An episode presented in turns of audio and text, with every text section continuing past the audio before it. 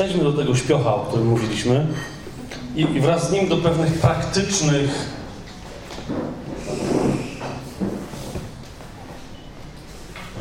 zasad rozeznawania woli Bożej w swoim życiu.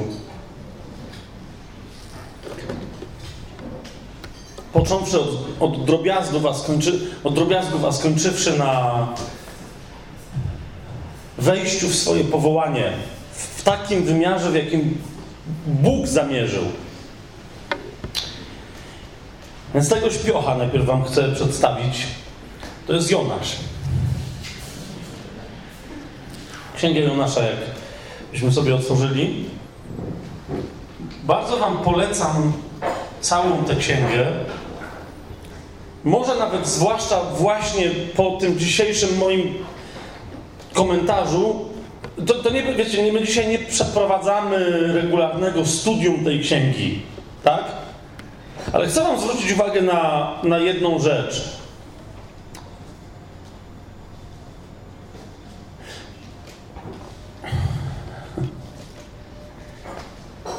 Ktoś z nas pamięta Księgę Jonasza? Tak mniej więcej. Ale nie chodzi mi o to, że go tam ryba połknęła, nie chodzi mi o te rzeczy. Tylko czy pamiętacie Jonasza z tej historii? Pamiętacie, jaki to jest. U nas, nie wiem, u was się tak mówi, że jak ktoś zaczyna tak zrzędzić, taki, że jojcy. Mówi się też tak w Gdańsku? Że u, u nas się przestań, że jojcyć. I takie, wiecie, takie e, e, e, wszystko jest źle i, i się mówi, dajże spokój nie? w Krakowie, przestań jojcyć. Więc jeżeli ktoś jest takim jojcącym bohaterem jakiejkolwiek opowieści w Biblii, to jest Jonasz. Sobie księgę Jonasza otworzycie, Jonasz wykonuje czwarty rozdział. Jonasz wykonuje fantastyczną misję w Niniwie. Na, nawraca miasto, które wtedy mogło mieć nawet kilkaset, w sensie może nawet więcej niż 200-300 tysięcy ludzi. I całe miasto się nawraca. I Jonaszowi się to nie podoba. Czwarty rozdział mówi Jonaszowi, bardzo się to nie podobało i rozgniewał się. Do tego stopnia się rozgniewał, że mu się ewangelizacja udała i się wszyscy nawrócili. Zobaczcie w trzecim wersecie, że mówi: Panie, proszę, zabierz ode mnie moje życie, bo lepiej mi umrzeć, niż żyć i patrzeć, jak oni się nawrócili. No czujecie, jak on tam ojcy? Bóg mu mówi w czwartym wersecie, Pan odpowiedział: Czy to dobrze, że aż tak się gniewasz? A Jonasz nawet się nie odezwał, tylko mówi, tak jak młodzież, kiedyś, nie wiem czy teraz tak się mówi, ale kiedyś młodzież mówiła, że foch o ścianę. I wyszedł. I potem, y, potem Jonaszowi Bóg zsyła y, roślinkę, tam rośnie mu tykwa, on się ucieszył, ale Bóg mu chciał coś pokazać, zesłał robaka na tą roślinkę i ta roślinka uschła. I znowu macie Zobaczcie, Jonasza, ósmy werset. Gdy wzeszło słońce, Bóg wzbudził suchy wiatr wschodni i słońce tak prażyło głowę Jonasza, że on dlewał i życzył sobie śmierci. Znowu mówiąc, lepiej mi umrzeć niż żyć. I znowu Bóg do niego przychodzi i mówi, Jonaszu, czy to dobrze, że się tak gniewasz z powodu tej tykwy? Więc mamy strasznie takiego, jak mi ktoś ostatnio powiedział, niedorobionego proroka. Czy aby na pewno? Kochani, to jest pierwsza rzecz, y, do której Was bardzo serdecznie dzisiaj zapraszam. Przeczytajcie Księgę Jonasza, ale chcę Wam jedną rzecz uświadomić. Pamiętam, że pierwszy raz, jak, jak, jak mi jeden y, nauczyciel pisma to uświadomił, byłem, hu, to było dla mnie wielkie odkrycie. Mianowicie zadał mi pytanie, mówi Fabian, kto jest autorem Księgi Jonasza?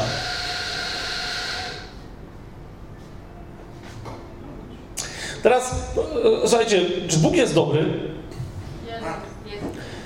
Jak myślicie, wejdźcie w buty, że tak powiem, naszego Boga, który jest dobry i tylko dobry, o którym sam Jonasz mówi, że on jest dobry.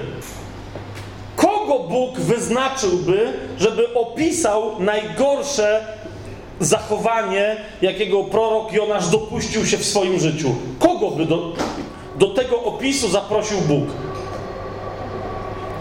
Tylko Jonasza. Pomyślcie. Każdy inny, robiąc taki opis, no wyobraź sobie, że to ja przychodzę i mówię, ej słuchajcie, Bóg mi dał zadanie, napisałem zarąbistą książkę o Jonaszu. No jakbyście to przeczytali i powiedzieli, okej okay, Fabian, no nie mogłeś jakoś trochę chłopa wybielić? No, Zobaczcie, chamska opa... Zobaczcie, zobaczcie, jak się kończy księga Jonasza. Przychodzi Bóg i mówi Jonaszowi, mówi Jonaszu, to ty się martwisz, że tykła, tykwa uschła, a nie rozumiesz, że ja się martwię, że tu całe miasto mogło umrzeć? I, I zauważcie, nie ma żadnego komentarza. Tak się kończy księga Jonasza. Kto mógł być tak surowy w opisie Jonasza? Tylko Jonasz. Dlaczego? Ponieważ w pewnym momencie wreszcie dotarło do niego Boże miłosierdzie, dokładnie w tym momencie, jak sądzę, dotarło do niego to, jak Bóg kocha ludzi, i dotarło do niego to, jak bardzo on był przekonany, że on bardziej pełni wolę Bożą niż Bóg. Bo naprawdę on, on tak uważa w tej księdze. Ostatecznie, jak się przyjrzycie temu, co on robi, on jest nie nieposłuszny Bogu, on po prostu uważa, że Bóg mu każe robić rzeczy, ale że Bóg się myli. I dlatego on ich nie robi. A jak już Bóg je robi mimo wszystko, to on jest zły na Boga, bo mówi nie. Właśnie, że nie. Jesteś Bogiem, ale nie wiesz o co chodzi. I on potem mówi, opamiętałem się. To, to, że tu nie ma żadnej puenty, to jest to, Jonasz mówi, osądźcie mnie sami wy, nie po to, żeby mnie sądzić, ale żebym ja dla was był przykładem. I teraz pytanie brzmi, czego? Kochani, jeszcze jedną rzecz muszę powiedzieć. Jak już wiemy, że to jest Jonasz, cokolwiek sobie nie pomyślisz o Jonaszu, jak tutaj będę mówił, i jeszcze inne rzeczy, jak jeszcze teraz będę mówił, proszę cię, siostro i bracie, bardzo naprawdę, proszę cię, nie myśl o ludziach, którzy, którzy będą pasować do opisu, który ci przedstawię. Myśl o sobie. Okay? Myśl o sobie. Jeżeli opis nie będzie pasował do ciebie, to drodzy, super. Ale jeżeli będziesz mieć usilną myśl, że nie, to nie jest opis do mnie, to jest zdecydowanie to jest Stefan. Szkoda, że Stefan tego nie słyszy. Jeżeli będziesz mieć taką myśl, z całą pewnością mówię ci, opis tyczy się ciebie, a nie Stefana. Więc uświadom to sobie. I teraz jeszcze jedna rzecz. Trzecia. Jeden z proroków, który ostatnio, ostatnio u nas był w Krakowie, yy, podobnie jak wielu, wielu, wielu innych, mówił bardzo mocno o przebudzeniu, które nadciąga w ogóle, o, o, o, o, żniwie wszechświatowym, ale też i o tym, co się będzie działo w Polsce. Być może, że jeszcze grubo. O, dziękuję pięknie. Być może, że jeszcze grubo przed tym żniwem. Była, słuchajcie, jest. Pamiętacie ten fragment z Ewangelii? Była taka służba we Francji w pewnym momencie, którą nazywali niektórzy złośliwi, nie wiem czy złośliwi, może po prostu radośni, nazywali sikającą służbą. Ponieważ oni się przy, przyczepili tego, tego fragmentu z Ewangelii, że Pan Jezus powiedział, że kto poda wam choćby szklankę wody ze względu na to, że jesteście uczniami, nie ominie go jego nagroda. Ma, ma pewną swoją nagrodę. I co oni robili? Chodzili od drzwi do drzwi. No było niezłe. I mówią, to skoro tak, mówią, pukali, czy chcieliby, chcielibyśmy wam ogłosić Ewangelię, czy chcielibyśmy byście poznać Jezusa. Nie, nie, nie gadamy ze świadkami. Nie, my nie jesteśmy świadkami Jehowy, ale jak nie chcecie, to nie. Niemniej, jesteśmy uczniami Chrystusa. Czy jako uczniom Chrystusa zechcielibyście nam dać trochę wody? To wiecie, to niektórzy ludzie no jak spragnieni, to proszę bardzo. Tylko, no czujecie tak, od drzwi do drzwi. Więc to była, co jakiś czas musieli też zapytać, czy mogliby skorzystać z toalety. No nie? Więc, więc Reinhardt między innymi, y, inni też, ale Reinhardt między innymi mówił o, o przebudzeniu w Polsce. I parę osób nawet tutaj w Gdańsku żeśmy rozmawiali y, o tym, że no my tak trochę podchodzimy do tego, wiesz, nie to, że sceptycznie, ale ostrożnie, no bo wiesz, od 30 lat już w Polsce ma być to wielkie przebudzenie i gdzie jest? Jest jak kolejny chłop przyjeżdża i ten też jest na, na zabój przekonany, że właśnie się rozpoczyna przebudzenie. No spokojnie, się zacznie, popatrzymy, zobaczymy, przekonamy się. Okay. Otóż jest, wiecie, jest taki, takie, tak, taki człowiek, my się nie za dobrze znamy, ale, yy, ale wystarczająco taki człowiek, badacz y, historii ruchów przebudzeniowych w y, Europie, także w Polsce. I ostatnio słyszałem, że czytał listy ludzi biorących udział w przebudzeniu na terenie Śląska Cieszyńskiego. Nie wiem, czy kojarzycie to trochę ponad, no dobre ponad 100 lat temu, tak? I on mówi, znając też te miejsca, które są gorące dla Boga teraz w Polsce i nie tylko, on czytając tamte listy i świadectwa tamtych ludzi, wiecie czego doświadczył? Zachwiania w wierze. Bo mówi, wiesz co, czytam, popatrz, czytam te listy wszystkie, te, te, te świadectwa tych ludzi, korespondencje ich i mówi, tam się dzieje to samo, co tutaj. Ty to widzisz? No, widzę.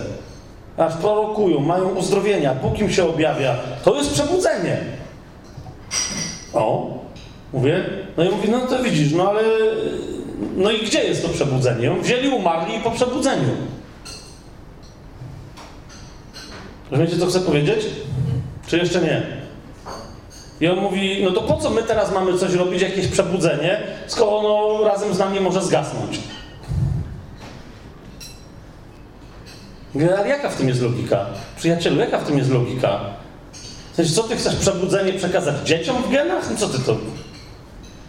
Wiecie, niektórzy myślą, że skoro są niezwykle pobożni, doświadczyli z mocą zbawienia od Pana i tak dalej, to teraz wystarczy, żeby dzieciom, które się urodziły w ich małżeństwach, żeby po prostu przekazywać swoje historie. Wiecie o co mi chodzi?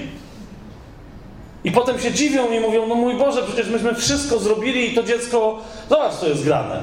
Schodzi na złą drogę. Fabian, czy byś mogliby, pamiętacie, co, co takie historie? Moglibyście się pomodlić z nami, co się dzieje? Myśmy wszystko Rozumiesz, to jest twoje dziecko, ono jest przez ciebie dobrze wychowane, wszystko gra. Tylko, że to dziecko musi mieć nie Twoją opowieść o Twoim osobistym spotkaniu z Chrystusem 40 lat temu, ale to dziecko teraz, czy jako dziecko, jako, jako nastolatek, jako jeszcze starsza osoba, potrzebuje swojego osobistego spotkania z Chrystusem, a nie Twojego, Twojej historii, Twojego świadectwa. To dziecko cię kocha, to dziecko jest ci wdzięczne i to dziecko mówi, we, mam rodziców trochę rypniętych. Wierzą, że Jezus zmartwychwstał. Rozumiesz? Pod względem potrzeby spotkania się z Chrystusem zmartwychwstałym, to, że twoje dziecko wychowało się w dobrym chrześcijańskim domu nic nie zmienia. Ponieważ jest takim samym człowiekiem ze świata, jak wszyscy inni ludzie ze świata. Tak? Nie, nie, nie przekazuje się przebudzenia, nie tworzy się przebudzenia przez jakąś żelazną logikę. Pan powiedział, to gdzie on to zrobił? Pan wszystko, co zrobił, to na poprzedniej sesji mówiliśmy. Tak? Jest absolutnie wystarczające do trwającego przez dziesiątki, setki i tysiące lat przebudzenia. To jest kalwaria. Tylko przebudzenie zaczyna się od tego, że ktoś się co robi? Przebudza. I dlatego potrzebujemy zobaczyć Jonasza i zrozumieć, po co Bóg zostawił nam w Biblii Księgę Jonasza. Jeszcze jedna rzecz, ostatnia, wprowadzająca do tego, co chcę powiedzieć, teraz o Jonaszu. Wiele osób jest bardzo zdziwionych, że w Biblii w ogóle znajduje się Księga Jonasza. Wiecie dlaczego? Ponieważ wszyscy prorocy w Biblii, wcześniej czy później, mówią o Izraelu, prorokują Izraelowi i dla Izraela. Jonasz, jak się dowiecie chociażby z drugiej księgi królewskiej, także prorokował dla Izraela, ale księga Jonasza, z wyjątkiem tego, że on w pewnym momencie mówi, że jest Jewry, to znaczy, że jest Hebrajczykiem, nie zawiera ani pół słowa proroctwa, ani pół zdania na temat tego, żeby Jonasz służył Izraelowi albo sprawie Izraela. I dlatego niektórzy są zdziwieni, mówią, no jak na proroka Starego Testamentu ani słowa o Izraelu, dziwna jest ta księga, a jednak natchniona. Dlaczego? O właśnie, przeczytajmy. Księga Jonasza, rozdział pierwszy, od pierwszego wersetu będę czytał, do momentu, kiedy Jonasz zostanie nazwany śpiochem. Spójrzcie na to. Słowo Jahwe doszło do Jonasza. Swoją drogą E, tak na marginesie, wszędzie, gdzie, jeżeli macie UBG, nie wiem, w innych Bibliach czasem też tak jest, ale nie zawsze, ale jeżeli macie UBG, wszędzie w Starym Testamencie, gdzie macie dużymi literami słowo Pan, Pana, Panu i tak dalej, to jest, y, to w tym miejscu w oryginale znajduje się słowo Jahwe. Nie Adonai, nie żadny, tylko tu się znajduje słowo Jahwe, w każdym z tych miejsc, ok? Więc dlatego ja będę czytał tak, jak jest raczej w oryginale, niż tu, no po prostu, nie do końca lubię tą tradycję. A zatem, słowo Jahwe doszło do Jonasza, syna Mitaja. Stąd wiemy, skoro to jest Jonasz, syna Mitaja, to w drugiej Księdze Królewskiej po tym go rozpoznacie, bo tam się również pojawia Jonasz, syna Mitaja i tam wiemy, co Jonasz robił jako prorok. Ta księga nam go, y, nam nie mówi, co, co on robił. Tylko, że doszło do niego słowo. Słowo Jahwe doszło do Jonasza, syna Mitaja, mówiące wstań, idź do Niniwy, tego wielkiego miasta i wołaj przeciwko niej, bo jej niegodziwość wzniosła się przed moje oblicze. Ale Jonasz wstał, aby uciec do Tarszisz sprzed oblicza Jahwe i przybył do Jafy. Znalazł okręt, który płynął do Tarszisz, zapłacił za przejazd i wsiadł na niego, aby płynąć z nimi do Tarszisz i uciec sprzed oblicza Jahwe. Lecz Jachwę zesłał, zesłał gwałtowny wiatr na morze i powstała potężna burza na morzu. Także zdawało się, że okręt się rozbije. A żeglarze przestraszyli się i każdy z nich wołał do swojego Boga, a wyrzucali do morza ładunek, który był na okręcie, aby ten był lżejszy. Jednak Jonasz zszedł wcześniej na niższy pokład okrętu, położył się i twardo zasnął. Przyszedł więc do niego sternik i zapytał go: Cóż ty czynisz, śpiochu? Znaczy, chłopu nie może przejść. Znaczy, nie, tu profesjonalni żeglarze. Każdy się nagle zrobił religijny i każdy woła do swojego Boga o ratunek, a ty śpisz? No to to musi być zawodowe spanie. Co ty czynisz, śpiochu? Co ty czynisz, śpiochu? I tu się zatrzymamy. Jeżeli pozwolicie, tu się zatrzymamy.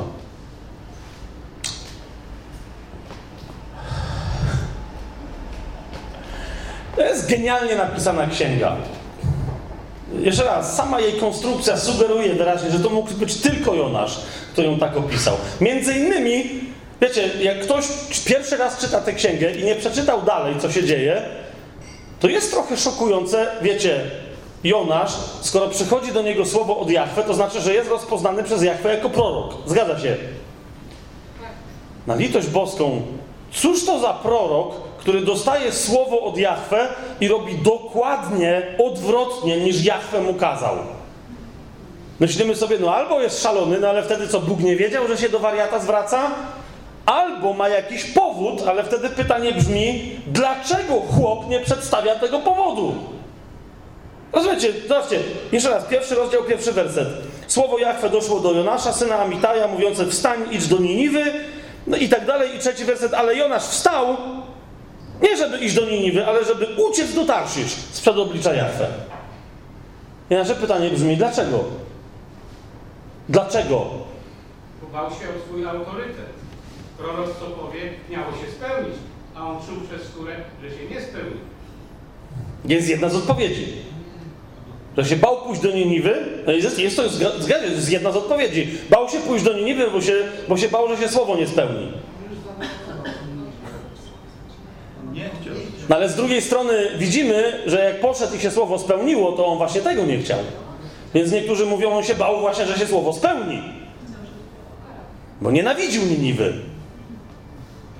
Jak sprawdzicie dobrze, w drugiej księdze królewskiej, co Jonasz prorokuje, Jonasz jest, yy, jest jednym z tych proroków, którzy tworzą swoimi proroctwami, yy, ponieważ on, nie jest, on jest z Izraela, z północnego królestwa, nie z południa, nie z Judy. I jego proroctwa pomagają zbudować, odbudować siłę północnego królestwa pod rządami Jeroboama II. Okay? Zanim on jeszcze dochodzi do siły i potem zaczyna cudować, to, to między innymi proroctwa Jonasza pomagają Izraelowi odbudować swoją siłę tak, że wobec rosnącą w siłę Asyrii z ośrodkiem, jednym z centralnych ośrodków właśnie w Niniwie. W pewnym sensie, teraz wybaczcie mi trochę to porównanie, bo ono jest nie do końca adekwatne, ale z drugiej strony jest. Wyobraźcie sobie, że jest jakiś Żyd w obozie koncentracyjnym w Auschwitz w czasie II wojny światowej. Przychodzi do niego Bóg i mówi: Wiesz, co to jest Hitler? On mówi: Wiem. Bóg mówi: W takim razie proszę cię, żebyś poszedł do Berlina i powiedział, począwszy od Hitlera, wszystkim Niemcom w Berlinie, tak, żeby się cała trzecia Rzesza dowiedziała, że jak się nie nawrócą, to zginą. Wyobraźcie sobie Żyda w obozie koncentracyjnym, który by pomyślał, yy, yy, zaraz, jeszcze raz, jak się nie nawrócą, to zginą, tak? To niech się nie nawrócą. O to mi chodzi. Wiecie? Jonasz tu był w sytuacji, w ramach której uważał, że byłoby niesprawiedliwością, żeby Bóg oszczędził Niniwę. A ten zwraca się do niego, mówiąc: idź i głoś im, zobaczcie, wstań, idź do Niniwy, tego wielkiego miasta, i wołaj przeciwko niej, bo jej niegodziwość wzniosła się przed moje oblicze. Zauważcie, że Bóg nie powiedział Jonaszowi: Ja się zlituję nad Niniwą. Zauważyliście to? Tylko mu powiedział: Głoś przeciwko Niniwie. Ale skąd wiemy, że Jonasz wiedział, że jak on będzie głosił, to Niniwa, jeśli się nawróci, doświadczy miłosierdzia. Skąd on o tym wiedział? O, o, o, o. I to jest bardzo ważna rzecz dla ciebie, siostro, i dla mnie. Otóż widzisz, będąc prorokiem, on nie tylko wiedział, co Bóg do niego mówi i czego Bóg chce od innych ludzi, ale to jest najważniejsza rzecz. On znał dobrze serce Boga. Otóż do tej sceny Jonasz wraca później, kiedy już Niniwa się nawróciła i zobaczcie, co mówi. Zobaczcie, czwarty rozdział. Kiedy Niniwa się nawróciła, zobaczcie, trzeci rozdział, yy, dziesiąty werset, Bóg widział ich czyny, że odwrócili się od swojej złej drogi i Bóg pożałował tego nieszczęścia, które zapowiedział im uczynić i nic nie uczynił. I wtedy czwarty rozdział, pierwszy werset i dalej, dowiadujemy się, ale Jonaszowi bardzo się to nie spodobało i rozgniewał się. I modlił się do Jahwe, mówiąc: Posłuchajcie, co mówi do Jahwe. Proszę, Jahwe, czy tego nie mówiłem, gdy jeszcze byłem w swojej ziemi? Rozumiecie, stoi taka modlitwa. Jonasz i mówi: No nie mówiłem! No, no, no przecież mówiłem, nie mówiłem, że mówiłem! No żeś zrobił dokładnie to, co mówiłem. Tylko kapujecie, wcześniej nam nie napisał, co mówił. Żebyśmy byli bardziej zszokowani. Ja mówię, no przecież mówiłem, że taki jesteś. Przecież nie można na tobie polegać. No cóż ciebie za Bóg? Iż przyszedł, zmiażdżył, byłby głowy po robocie. Przecież to jest faszyści to są. To jest Asyria. Co ja nie wiem jako prorok, co będzie za 150 lat? Ale ja wiedziałem, przyjdziesz i się zlitujesz. No na litość boską. Nie ma jakiegoś innego zawodnika? Myślicie, że przesadzam? Zobaczcie, co mówi Jonasz. Proszę, Jachwę, czy tego nie mówiłem, gdy jeszcze byłem w swojej ziemi? Dlatego zaraz uciekłem do Tarsisz. Widzicie to? On mówi o pierwszym słowie, które dostał na temat Niniwy, że zaraz uciekł do Tarsisz. Dlaczego? Spójrzcie bo wiedziałem, że Ty jesteś Bogiem łaskawym i litościwym, nieskorym do gniewu i pełnym wielkiego miłosierdzia, który pożałuje jakiegokolwiek nieszczęścia. No ja Cię kręcę. Boże, wiem, że jesteś miłością i dlatego no, normalnie są pewne okoliczności, w ramach których się z Tobą nie zgadzam i nie mogę Cię słuchać.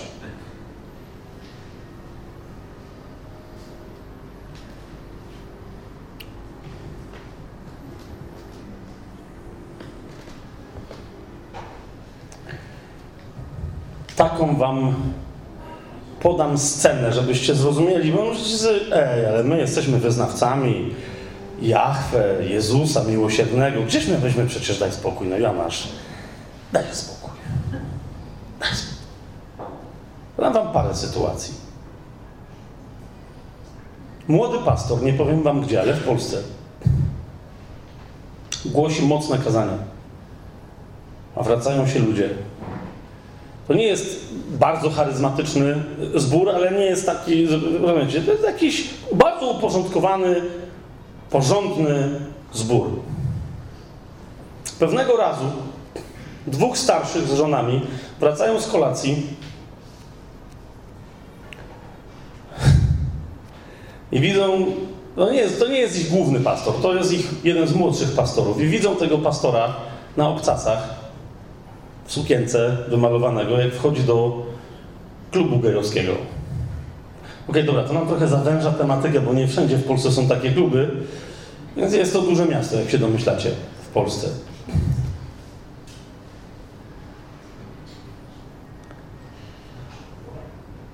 Wiecie, co się dzieje, nie?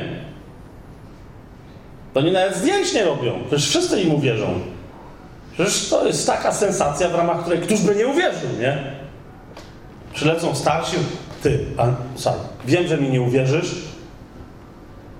To jest jedna z najbardziej profesjonalnych, yy, najbardziej, najbardziej udanych, skutecznych sprzedaży plotki w kościele.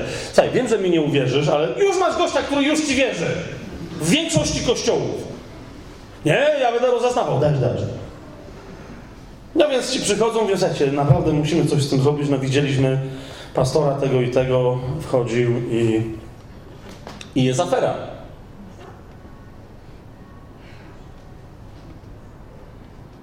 Co myślicie? Bo ten pastor nie często tam tak wchodził.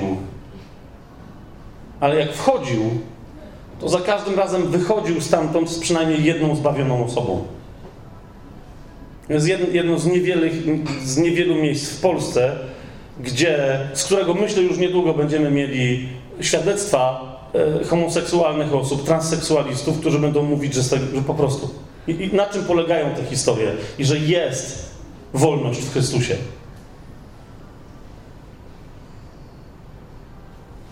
Rozumiecie? To się tutaj zaczyna. To się zaczyna od tego, jaki my mamy obraz Boga i jaką my mamy relację z tym Bogiem, to znaczy na ile ten Bóg w prawdziwości swojej, a w tej prawdziwości swojej jest miłością i tylko miłością, na ile my rzeczywiście jesteśmy Jego dziećmi odzwierciedlającymi Jego serce. Na ile nasza relacja z Nim powoduje, że my jesteśmy tacy jak On i kiedy widzimy kogoś takiego w tego typu sytuacji, nie odpala się nam jako pierwsze osąd, skandal, ale pytanie, cóż ten pastor tutaj robi pod mocą miłosiernego Ojca? Może mu trzeba pomóc, ale może on komuś pomaga. Rozumiecie o co mi chodzi? Niewinne oczy baranka, który ma moc, który kiedy przyjdzie jego dzień, Księga Objawienia mówi, że będą wołać bogacze tego świata, będą się chować po schronach i mówić, niech nas góry przykryją, bo będą się bali czegoś, co Biblia nazywam, nazywa nieporównywalnym z niczym gniewem baranka. Baranek ma moc, tyle tylko, że ta, ta moc staje się gniewem dla tych, którzy nie chcą przyjąć miłosierdzia tej mocy. Z mocą Bożą zawsze jest tak samo. Izrael ucieka przed Egiptem. Pomiędzy Izraelem a Egiptem co się znajduje? Tylko i wyłącznie Boży słup, który Izraelowi świeci, a Egiptowi co robi? Zaciemnia drogę. Rozumiecie? To jest jedno i to samo. Ci, którzy pełnią wolę Boga z tego samego źródła, dostają światło. Ci, którzy się jej sprzeciwiają, z tego samego źródła dostają jeszcze większego przyćmienia. To nie Bóg im to robi, to oni to sobie robią, przyjmując wobec mocy Bożej i wobec Boga konkretną postawę. I teraz niezależnie od tego, rozumiesz, jak długo jesteś osobą wierzącą, chodzi nadal o to, jaką ty masz postawę wobec Boga. Czego się od Boga uczysz? Jonasz uznał, Boże, Ty jesteś fajnym Bogiem. Jesteś miłosierny, jesteś litościwy, jesteś łaskawy, jesteś nieskory do gniewu. Żałujesz nieszczęścia, nie chcesz, żeby ludzie doświadczali nieszczęścia. I to mi się podoba, o ile, o ile masz plany wobec Izraela. Ale mi się to bardzo nie podoba, kiedy chodzi o Twoje plany wobec Asyrii. Nie mógłbyś im przygrzmocić? Zwłaszcza, że w zasadzie masz ochotę. No to hej, po co jeszcze dawać im szansę? Weźże im przywal. Komu ty byś chciała przywalić? Komu byś ty chciał przywalić w swoim życiu?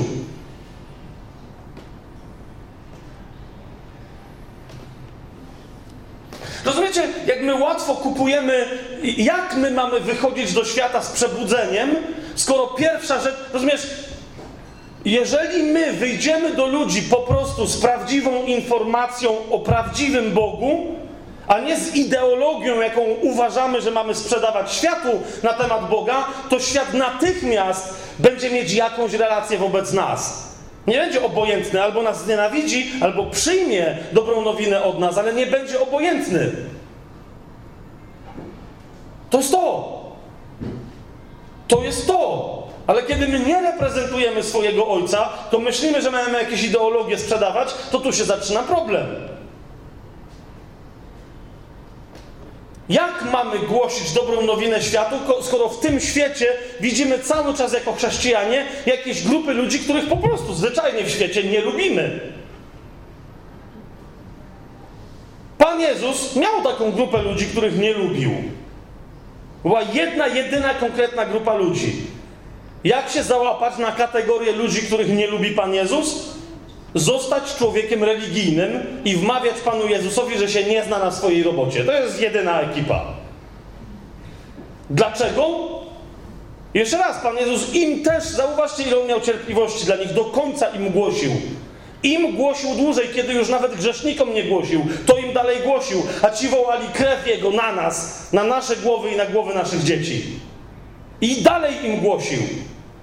Zejdź z krzyża, wołali. A ten powiedział, Eli, Eli, lema sabachtani, 22 psalm. Świetnie wiedzieli, o czym mówi 22 psalm. Świetnie wiedzieli, co Jezus woła. Ale ludziom powiedzieli, żeby czasem oni się nie kapnęli, e, to Eliasza woła, no cóż, na krzyżu się szaleje. Zejdź z krzyża. Jezus wiedział, że jak zejdzie z krzyża, to im pokaże, kim jest, no ale to jest po robocie. Ani ich, ani ciebie, ani mnie nie zbawi. Więc tam został. Kochał ich, ależ bardzo, ale ich nie lubił. Po prostu. Nie lubił ich.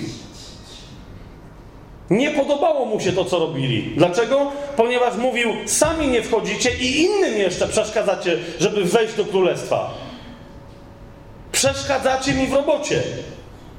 Jeżeli masz kogoś w swoim życiu, kogo kochasz, to to szybko zrozumiesz. Jeżeli masz dzieci, które kochasz, to fajnie. Jeżeli masz męża czy żonę, czasem się pytam, lubisz swojego męża? I niektóre kobiety, zwłaszcza jak mają w miarę dobrą relację z mężem, mówią, no, oczywiście, że go kocham. Ja się nie pytam, czy go kochasz, tylko czy go lubisz. Ktoś z was ma małe dzieci albo miał małe dzieci? O, teraz zobaczymy, bo to chrześcijanie sami, zobaczymy, jaka jest prawdomówność waszym domu, takie nieśmiałe. Kto ma te małe dzieci? Macie? Wy macie teraz, ale teraz, teraz. Super. Kochacie je. I ile, ile to dziecko ma? Jedno ma cztery, drugie ma półtora roku. Półtora roku. To, to już się nie drze w nocy, to półtora. Ale niedawno się darło, nie? Okej, okay, to teraz mam prosty test na uczciwość. Jak kolejny raz w nocy ten, ten mały brzdączyk bez absolutnie swojej winy rozdarł japę w nocy i was obudził na skrajnym wycieńczeniu, kochaliście go dalej? Nie? Nie kochaliście go.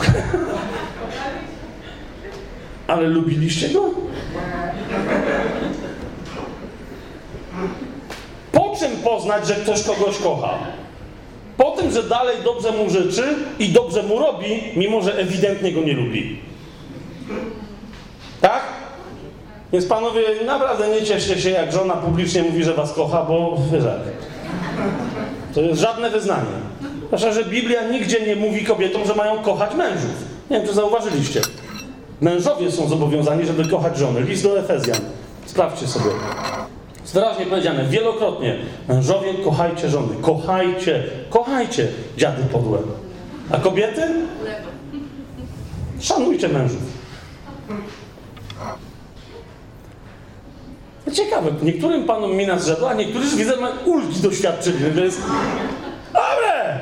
musisz mnie kochać, ale mnie szanuj.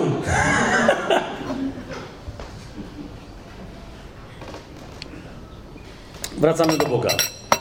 Więc tak, to jest prawda, że on kochając bardzo często jawnie mówi, że nie podoba mu się to, co robią jego dzieci. Nie podoba mu się to, co, co robią jego wierni.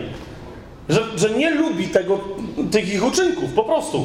Kocha ich i właśnie dlatego nie podoba mu się często to, co robimy. Właśnie dlatego, jakby nas nie kochał, to co by mu zależało. Teraz pytanie brzmi, jak ty kochasz? Rozumiesz? Jak, jak, jakie ty masz serce? W czym już upodobnione do Boga? Dla kogo masz serce? To jest jedna z podstawowych rzeczy. Rozumiesz, ja nie mówię, że ty masz teraz kochać wszystkich na świecie. To jest proces. Ja nie kocham wszystkich na świecie. Bardzo mi przykro, ale tak nie jest. Tak nie jest. Mam nadzieję w pewnym momencie mieć taką miłość, że spotkam kogoś, kto mi napluje w twarz i z miejsca będę wiedział, że go kocham. Ale nie wiem, się czasem dzieje i nie zawsze mam od razu odruch miłości wobec tych ludzi. Kiedy kłamią na mój temat, oczerniają mnie, robią inne dziwne rzeczy. Nie zawsze mam ten odruch. Mimo, że wiem, co mi mówi Słowo Boże, że mam ich błogosławić, dobrze im czynić, w zamian za to zło i tak dalej, i tak dalej. Ale po prostu mówię wam uczciwie. Cały czas wołam Duchu Święty, łam moje serce i tnij, i przemieniaj. Bo nie jest tak, że ich kocham tak jak ty.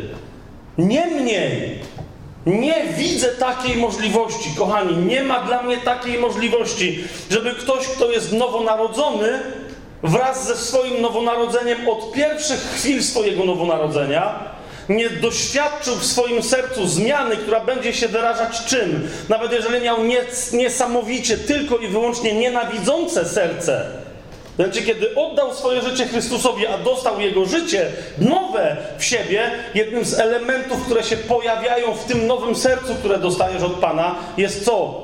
Że Jego część ewidentnie kogoś kocha.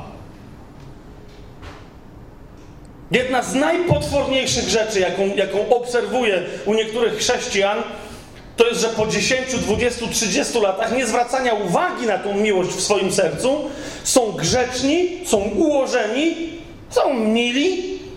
Swoją drogą, jest gdzieś w ogóle uzasadnienie, żeby chrześcijanin był miły dla ludzi?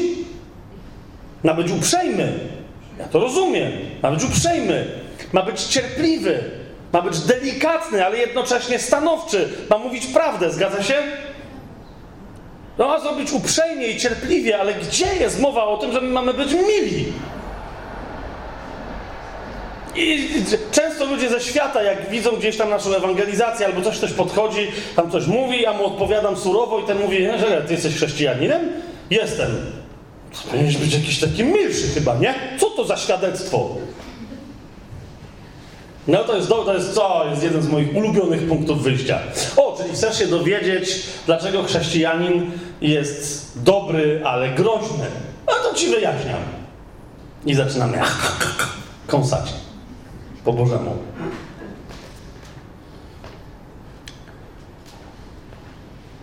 Po 10, 20, 30 latach masz ludzi, którzy skostnieli jak mumie już nikogo nie kochają. Ważne, że Bóg kocha. Głoszą innym, że Bóg ich kocha. Ale w pewnym momencie, sami nikogo nie kochając, to jest jak z jednej strony zamkniesz ten kanał przepływu miłości, to i z drugiej strony tam się zamuli i już nie ma co wpłynąć. Naprawdę. Nie wierzycie mi? Znacie zapewne ludzi, którzy chodzą i głoszą Bóg Cię kocha. Takich, co mają na zderzakach naklejki, bumper stickers napisane Jesus loves you. Albo Jezus serduszko ty. Wiecie o co mi chodzi, tak? Przychodzą mówią, hej, czy wiesz, że Jezus cię kocha? Ja mówię, wiesz co, no ja wiem, ale skąd ty wiesz? Powiedział ci, czy co, że mnie kocha? Ten Jezus, którego ja znam, nie obgaduje mnie z innymi. Te, ja wiem, teraz, co teraz powiem, zabrzmi trochę przygłupiasto, ale pomyśl dobrze. Co masz większe prawo powiedzieć i co ma większy sens? Przyjść do drugiej osoby i powiedzieć jej, ej, Bóg cię kocha, czy przyjść do drugiej osoby i powiedzieć jej, ty, Bóg mnie kocha. Co masz większe prawo? Od czego się zaczyna świadectwo? Jakie ja mogę dać świadectwo o tym, że Bóg ciebie kocha, siostro? Mam nadzieję, że cię kocha. Wiesz o co mnie? Mam nadzieję, ale ja to wiem. Jest tak? Nie musisz mi odpowiadać, ale wiesz jak? Co się, co się tu dzieje? Wolę, jak ktoś do mnie przychodzi i mówi, człowieku, ale wiesz, jak mnie Bóg kocha? A nie wiem, czy ty w ogóle jesteś w stanie to zrozumieć, chłopie. Zauważcie, jak, jak Paweł radzi, żeby głosić Żydom. Pamiętacie to? Mówi, takim głoście, oni są lepsi od was w Piśmie Świętym, ale pokażcie im swoje życie wypełnione miłością Ojca tak, że wam pozazdroszczą. Rozumiecie, o co mi idzie? Gadanie ludziom, że Bóg ich kocha. Wyjdźmy i powiedzmy, Bóg nas kocha, Bóg mnie, tam nas. Ja nie wiem, czy was Bóg kocha. A nawet jak trochę wiem, coś mi pismo przekonuje, to ja tego nie czuję. Jak masz na imię siostro? Tam z, z tą ręką taką przejętą. Małgorzata. No, no to tak widzę, że tak trochę się raczej Bóg trochę jakby kocha, no nie? No ale wiem to, ja no wiesz o co chodzi. Ten, ten mężczyzna tu przystojny obok, to jest jakaś tam relacja, syn, czy kto to jest? Ojciec? Mąż? Jest jakaś tam w miarę, tak? Relacja. Oj, teraz, kurczę, szkoda, że nie macie lusterka. Chodzi mi o to, ale ty wiesz, co chcę powiedzieć, Gosia, nie? Jak powiedziałem o nim i sugestia padła, że jak on cię kocha, no właśnie, jakbyś teraz zobaczyła swoją twarz. Ty teraz znacznie więcej mówisz o tym, jak on cię kocha. Nie obraź się teraz na to, co powiem, tylko to potraktuj jako zaproszenie moje. Twoja twarz teraz znacznie więcej mówi o jego miłości, niż przed chwilą mówiła o miłości ojca. Przepraszam cię, ale ja mam dokładnie to samo. Tak, mam, mam piękną żonę, bardzo ją kocham. I od jakiegoś czasu Bóg mnie harata, cały czas przychodzi i mówi, bardziej ją kochasz niż mnie. Jak ja się zarzekam, ale jak ja jestem faryzeuszem, jak ja się zarzekam, mówię, Boże, no co ty? Słuchajcie, e, to no, no, wiecie, to, rozumiecie, jakim... Aż mi, no, nie wiem co mam powiedzieć, no bo rozumiecie, jak można być takim debilem, że przecież jasne to jest, że Bóg wszystko wie. Przychodzi do mnie i mi coś mówi, ja mu mówię, że nie wie, że ja wiem lepiej. Ale naprawdę, to, do, całkiem niedawno dopiero powiedziałem, Boże, no, no ale jakoś nie jest to tak, że jednak w sumie Ciebie kocham, bo ją od Ciebie mam, czy coś w tym stylu? Nie da się tak. I Bóg tak popatrzył na tak, dosłownie to było coś takiego, mówi Fabian. Fabian, ja ją natchnąłem i ostatnio ona ci powiedziała pewną prawdę. I ona cię strasznie wkurzyła, nie? Moja żona mi powiedziała prawdę? Mnie wkurzyła? Oczywiście wiedziałem od razu o co chodzi. Moja żona mnie tak wkurzyła, znaczy ni stąd, ni zowąd, tak siedzi na mnie, ja tak się patrzę na nią. Hmm. A moja żona tak patrzy na mnie i mówi a ty wiesz, że jak umrzemy, to ja już nie będę twoją żoną, nie? Że... Jakie chamstwo, w sensie, no wiem, ale... Pamiętasz to, Madzia, nie? No teraz zawsze śmieje się ze mnie dalej, no nie? Ale ja wiem, że... Wiem, no oczywiście, bo tam jest Pan Jezus, nie będą się żenić, za mąż wychodzić, no, ale jednak wiesz, no trochę lat spędzonych, to jakoś mogłabyś mnie tam troszkę lepiej traktować niż innych, nie? I Madzia mówi, znaczy mówi, nic nie mówi, tylko mówi... Ja nie wiem, czy wiesz, no, tyle lat my spędzili, to trochę innych bym poznała teraz, no nie? Że no...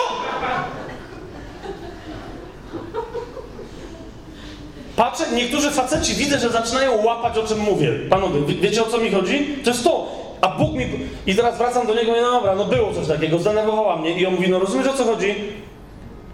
Tam szukasz, wołasz, żebyś, żeby tam, w tej relacji, żeby twoje serce doświadczyło miłości, czułości i dobroci, chociaż wiesz, że docelowo ta, ta relacja się skończy, a to, co ma, co, to tylko dar ode mnie dla ciebie na parę lat, a to, co masz ze mną, będzie trwać wiecznie. I jakość tej relacji cię nie interesuje? I nawet wtedy muszę wam powiedzieć, że przyklęknąłem, powiedziałem, o tak, pan, o rzeczywiście, panie, pokut... No pokutuje, no. Ale rozumiecie, to było takie pokutuje, a tu było takie, wiecie, takie skrzyżowane palce takie. No dobra, nie do końca się to liczy, bo w sumie nie, wcale nie czuję, żebym pokutował. Dalej mam pingla. Jakbyś mnie kochał, to może byś zrobił wyjątek i bym miał Madzie na zawsze. Ej.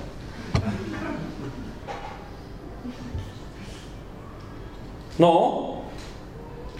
I jeszcze raz, jaki Bóg jest dobry, jaki On jest cierpliwy, jak cały czas mówi i mówi, mówi, mówi Fabian, ale rozumiesz w tym swoim tępym sercu, nie rozumiesz tego, że, że tak naprawdę to jest Twoje wołanie o relację ze mną właściwą. Każdy ma serce stworzone do tego, żeby przyjąć Boga takim, jakim jest. Miłość Jego dość i żeby zacząć nawzajem Jego kochać. Teraz kapujesz, wiedzieć o tym, jaki jest Bóg. Zauważ, Jonasz wiedział. I co? I jak przyszło co do czego, tylko Jonasz, nie wiem, czy on miał żonę, czy, czy ją lubił, czy nie, czy o co, to był gwiazdor w Izraelu. To może, wiecie, to jeszcze takie były czasy, może miał parę tych żon. Kobieta tam ewidentnie niespecjalnie grała rolę w jego życiu, ale Izrael jak najbardziej. Jonasz był izraelskim, mówię o nie w ogóle o narodzie, ale o północnym królestwie, był patriotą. On wiedział, że jego postawa, jego prorokowanie umacnia, odbudowuje pewien twór państwowy. I zaczął sobie myśleć Jonasz, że to nie Słowo Boże i nie wola Boża, ale jego postawa jest czymś, co zasadza fundament pod nową potęgę północnego Izraela. Rozumiecie? Jonasz się zakochał w swoim dziele. Wiedział, że Bóg jest dobry, ale kochał co innego. Po prostu kochał co innego. Nic, i to jest pierwsza rzecz, którą chcę, chcę dzisiaj powiedzieć, kochani, a propos swojego powołania. Przetestuj swoje serce, siostro i bracie. Nie będzie żadnego przebudzenia, jak ty będziesz spać. Skąd możesz wiedzieć, że śpisz, jeżeli w twoim życiu, podobnie jak i w moim, Twoje serce kocha kogoś albo coś bardziej niż Boga. Jeżeli Twoje serce spodziewa się czegoś, jeżeli Ty w swoim życiu masz jakąś namiętność, jakąś pasję, jakąś potrzebę i Ty w swoim sercu spodziewasz się zaspokojenia tej potrzeby skąd inąd niż od Boga. Powiem Wam coś szokującego, chociaż nie powinno być szokujące. Każdy chrześcijanin, który pojawia się na rozmowie ze mną, z nami i mówi, że ma problem z jakimś grzechem, żebyśmy się pomodlili o niego, bo pewnie demon go atakuje, bo on jest zniewolony. No bo przecież ciało, a on ćpa, tamten nałogowo ogląda pornografię i się masturbuje, ten chleje, tamten jeszcze coś. Znaczy, nie mówią, Fabian, ja słyszałem twoje nauczanie, ale jak niby Bóg miałby zaspokoić moje potrzeby seksualne? No właśnie. Jest chłopie dobre pytanie. Pytanie jest dobre, teraz, teraz moje pytanie brzmi, czy ty w ogóle oczekujesz odpowiedzi? Kapujesz? Bo ty zadajesz to pytanie, ale mówisz, no ale to, to pytanie jest głupie, ja ci mówię, to pytanie jest mądre. Ale rozumiesz, że mam potrzebę, żeby się nachlać. Muszę odpłynąć. Jak niby Bóg miałby zaspokoić tę moją potrzebę? Naprawdę myślisz, że to jest twoja potrzeba?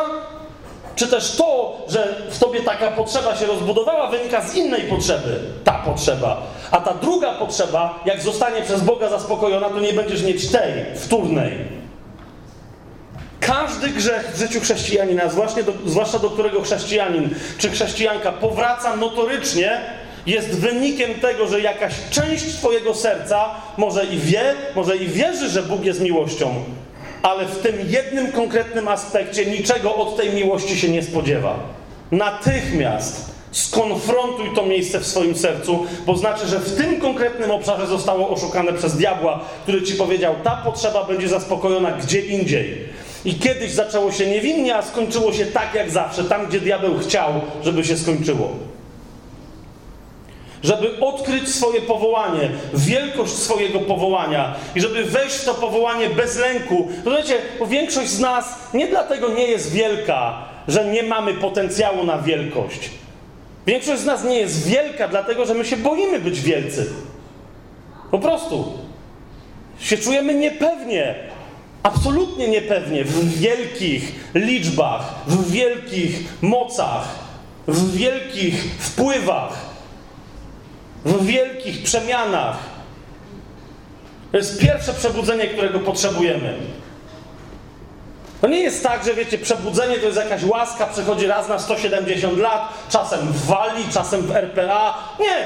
Bóg ma myśl, plan na przebudzenie wszędzie na świecie, w każdym pokoleniu. Jeżeli jakieś pokolenie nie doświadcza przebudzenia, to dlatego, że się nie przebudziło. Począwszy od tego, że wiedząc, że Bóg jest miłością, nie przebudziło się do pełnego życia i doświadczania tej miłości. To o to chodzi. To o to chodzi.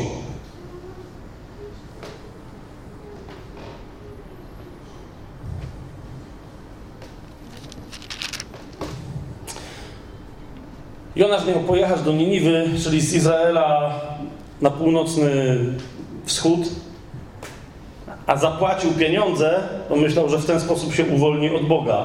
Zapłacił pieniądze za bilet i wsiadł na statek do Wielkiej Brytanii. Bo wtedy dalej się nie dało płynąć. I to nie jest metafora z mojej strony, ale ostatnio coraz więcej badaczy tamtego okresu, badaczy biblijnych i nie tylko, wyraźnie mówi, że Tarszisz to nie był żaden Cypr, Tarszisz to nie była, e, to nie była Italia, Tarszisz to nawet nie była Hiszpania, ale Tarszisz to były porty, do których już wtedy dopływały okręty e, w Irlandii albo w dzisiejszej, e, no po prostu w Wielkiej Brytanii. Kolejna rzecz. Kolejna rzecz. Człowiek, który nie ma, który wie o tym, że Bóg jest miłością, ale nie doświadcza tej miłości i inwestuje swoją miłość w coś innego, w momencie, kiedy Bóg zaczyna mu objawiać najwspanialszy plan dla jego życia, jaki ma, co wtedy robi taki człowiek? Myśli sobie, że on ma plan dla swojego życia lepszy. A nawet jeżeli nie ma lepszego, to tak bardzo nienawidzi planu Bożego. Jeszcze mówi, Bóg mnie chce zgwałcić, Bóg mnie do czegoś zmusza, dajcie spokój. Bo nie chce się przyznać, że jego serce kocha coś lub kogoś bardziej niż Boga.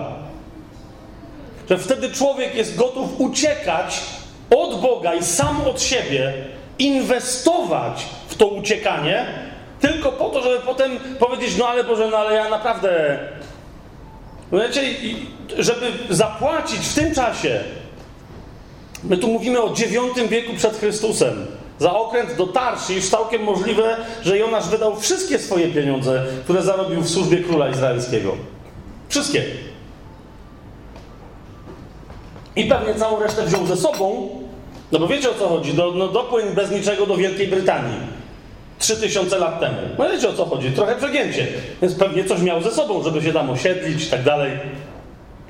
Po co, żeby wtedy mógł powiedzieć Bogu, że no, jak Bóg do niego przyjdzie na okręcie, to on powie, podejdzie do chłopaków i powie, panowie, yy, czy mógłbym prosić o zwrot pieniędzy za bilet i moglibyście mnie z powrotem odwieźć do Niniwy? No chyba jesteś głupi, kupiłeś bilet, jedziemy. Zasady się zgadzają? Tak, okej. Okay. To już mnie nie wysadzą do morza, to była myśl nasza. Jak dopłynę do Tarszysz, już mnie nie będzie stać, żeby wrócić. Więc powiem Bogu, wiesz co, no jakbyś mnie przeniósł, to ja chętnie. No ale proszę, po, troszeczkę mały błąd popełniłem, no i nie udało się. To nie poznajecie w tego rodzaju strategii kogoś? Jeżeli nie rozpoznajesz w tym, co teraz mówię, siebie z jakiegoś momentu swojego życia, to mówię ci, obudź się śpiochu. No to jest to. To jest to. Powiem, powiem, na przykład powiem wam taką rzecz. I nie, naprawdę weźcie później, nie przychodźcie do mnie, nie tłumaczcie mi, co to jest Ewangelia sukcesu i tak dalej. Bo ktoś choćby trochę mnie zna, to wiecie, że ja jestem jak najdalszy od Ewangelii sukcesu. Tak? Ale jestem bardzo bliski do tego, co nazywam, nazywam ekonomią królestwa, która w Biblii jest bardzo dobrze opisana. Otóż, kochani, stawiam dowolne, nie, no nie dowolne pieniądze, bo sam za dużo nie mam, ale Naprawdę, postawiłbym wszystkie pieniądze, jakie mogę mieć dziś, za miesiąc i za najbliższych 10 lat. Że wszyscy, jak jesteśmy, absolutnie wszyscy, jak jesteśmy na tej sali, wszyscy wierzący, nowonarodzeni, zbawieni ludzie, wszyscy, jak jesteśmy na tej sali, mamy w tym momencie w swoim życiu przynajmniej z 10 razy mniejszy przepływ pieniędzy, niż jest to zgodne z wolą Bożą. Wiecie dlaczego? Dam wam przykład. Nie odpowiadajcie mi teraz wprost, tak? Ale jakbym tak naprawdę zapytał, to ile osób na tej sali mogłoby się teraz do mnie zgłosić i powiedzieć, bracie Fabianie, przeczę Twojej tezie. Otóż jestem osobą, która utrzymuje jednego misjonarza, który, który ryzykuje swoim życiem w Iranie. Ścigają go tajne służby, a ja regularnie mimo to przesyłam mu 4000 zł, żeby mógł tam spokojnie żyć i pracować. Mam te pieniądze. Nie dla siebie, ale dla niego. Utrzymuję jednego misjonarza. Mam znajomą siostrę w zborze, którą się nikt nie interesuje. Przekazuję jej regularnie co miesiąc 3000 zł, ponieważ Biblia mówi mi, że to jest najczystszy i w zasadzie jedyny właściwy sposób wyrażenia mojej pobożności. Oprócz tego adoptowałem paręnaście dzieci w Afryce, ponieważ jedno adoptowanie jednego dziecka w Afryce kosztuje, to zależy gdzie, ale w niektórych krajach kosztuje 25 dolarów. Nie chodzi mi o adoptowanie, żeby je wziąć, tylko żeby je utrzymać tam na miejscu. Kosztuje tylko 25 dolarów na miesiąc. Tam paręnaście takich dzieci. Plus regularnie pomagam budować sierocińce w Brazylii. A więc, bracie Fabianie, regularnie co miesiąc przekazuję na cele królestwa, zgodnie z tym, o czym Biblia mówi, że powinno mnie na to stać, regularnie przekazuję 12 tysięcy złotych. A ponadto co? A ponadto żyję w dostatku, ponieważ Biblia mówi, cieszcie się z tego, co macie. Nie, nie, nie, nie mam za dużo. Nie przelewa mi się. Ale też niczego mi nie brakuje. Niczego mi nie brakuje. Niczego mi nie brakuje. Niczego mi nie brakuje. W życiu bym nie pomyślał, że mogłoby mi czegoś brakować. Co więcej, tych paręnaście tysięcy, które teraz wydaję, pomyślałem sobie, że to jest, no cóż to jest utrzymywać paręnaście dzieci. Więc pomyślałem sobie, będę utrzymywać 10 wdów w Polsce. I już się zobowiązałem, chociaż to mnie będzie kosztować 7 tysięcy więcej. Ale wiem, że to jest zgodne z wolą Bożą. Więc wiem, że Pan mi pobłogosławi, bo wie, że nie chcę tego dla siebie, ale chcę, żeby to przeze mnie przepłynęło. O, widzę, co się teraz dzieje. Nie ma jak w Polsce powiedzieć o pieniądzach. I jeszcze powiedzieć, będziesz ich miał mnóstwo, ale ci wszystkie wezmą. Żeby nie, żeby nie być gołosłownym, tylko tym, którzy się zastanawiają, o czym ja w ogóle gadam. Zobaczcie, co jest napisane chociażby w liście Jakuba w pierwszym rozdziale, w 27 wersecie. Jak byk, jak dwa byki, jak dwa byki i całe obfite, słodkie stado krówek milek. Pierwszy rozdział listu Jakuba, 27 werset. Czysta i niepokalana pobożność, dokładnie tak samo jak krew baranka. Czysta i niepokalana pobożność u Boga i Ojca polega na tym, aby przychodzić z pomocą sierotom i wdowom w ich utrapieniu. Oraz dwa, zachować samego siebie nieskalanym przez świat. Czysta i niepokalana pobożność. Dlatego ja niektórym mówię, e, no, że jeżeli według nich pobożność na przykład to jest regularne, obowiązkowe odwiedzanie zborów na nabożeństwo co niedzielę, to to może być pokalane czasami. Bo Biblia nie daje gwarancji, że regularne spotykanie się z innymi chrześcijanami jest niepokalane. Zauważyliście? W ogóle nigdzie Biblia nie mówi, że uczestnictwo w nabożeństwie w ogóle ma cokolwiek wspólnego z pobożnością. Nie wiem, czy zauważyliście. Nie wiem, czy zauważyliście, że Biblia w ogóle nie mówi, że modlitwa jest wyrazem pobożności. Bo zapewne w, ramach swoich pobożnych lektur biblijnych zauważyliście, że Biblia mówi, że my się mamy modlić nieustająco. Tyle. Modlitwa ma być naszym oddechem. Nie ustają. Kto z Was przestaje oddychać na dzień? Tego, bo mu się nie chce. To jest, to jest to. Biblia mówi, nie, przesta nie przestawajcie się modlić, tak jak nie przestajecie oddychać. Po prostu. A pobożność, jeszcze raz, czysta i niepokalana pobożność, czysta, doskonała, perfekcyjna pobożność, zgodna z wolą Ojca, polega na tym, aby przychodzić z pomocą sierotom i wdowom w ich utrapieniu. Liczba mnoga, przynajmniej dwie sieroty i przynajmniej dwie wdowy. Regularnie. Jeżeli masz miesiąc, kiedy tego nie robisz, a już znasz to słowo, znaczy, że minął ci miesiąc na kompletnej bezbożności. To nie był pobożny miesiąc. Chamskie, nie? Przesadziłem teraz trochę. I, ale teraz zrozumcie, czy Bóg mógłby narzucić na nas, skoro jest taki dobry, obowiązek, którego my następnie nie umiemy wypłacić?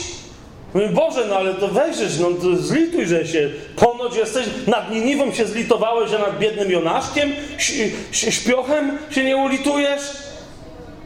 Sam siebie ledwo utrzymuję przez miesiąc, a ty mi mówisz, że jakieś sieroty i wdowy i to jeszcze te, co mają utrapienia? Jest sobie pierwszy, drugi do Koryntian.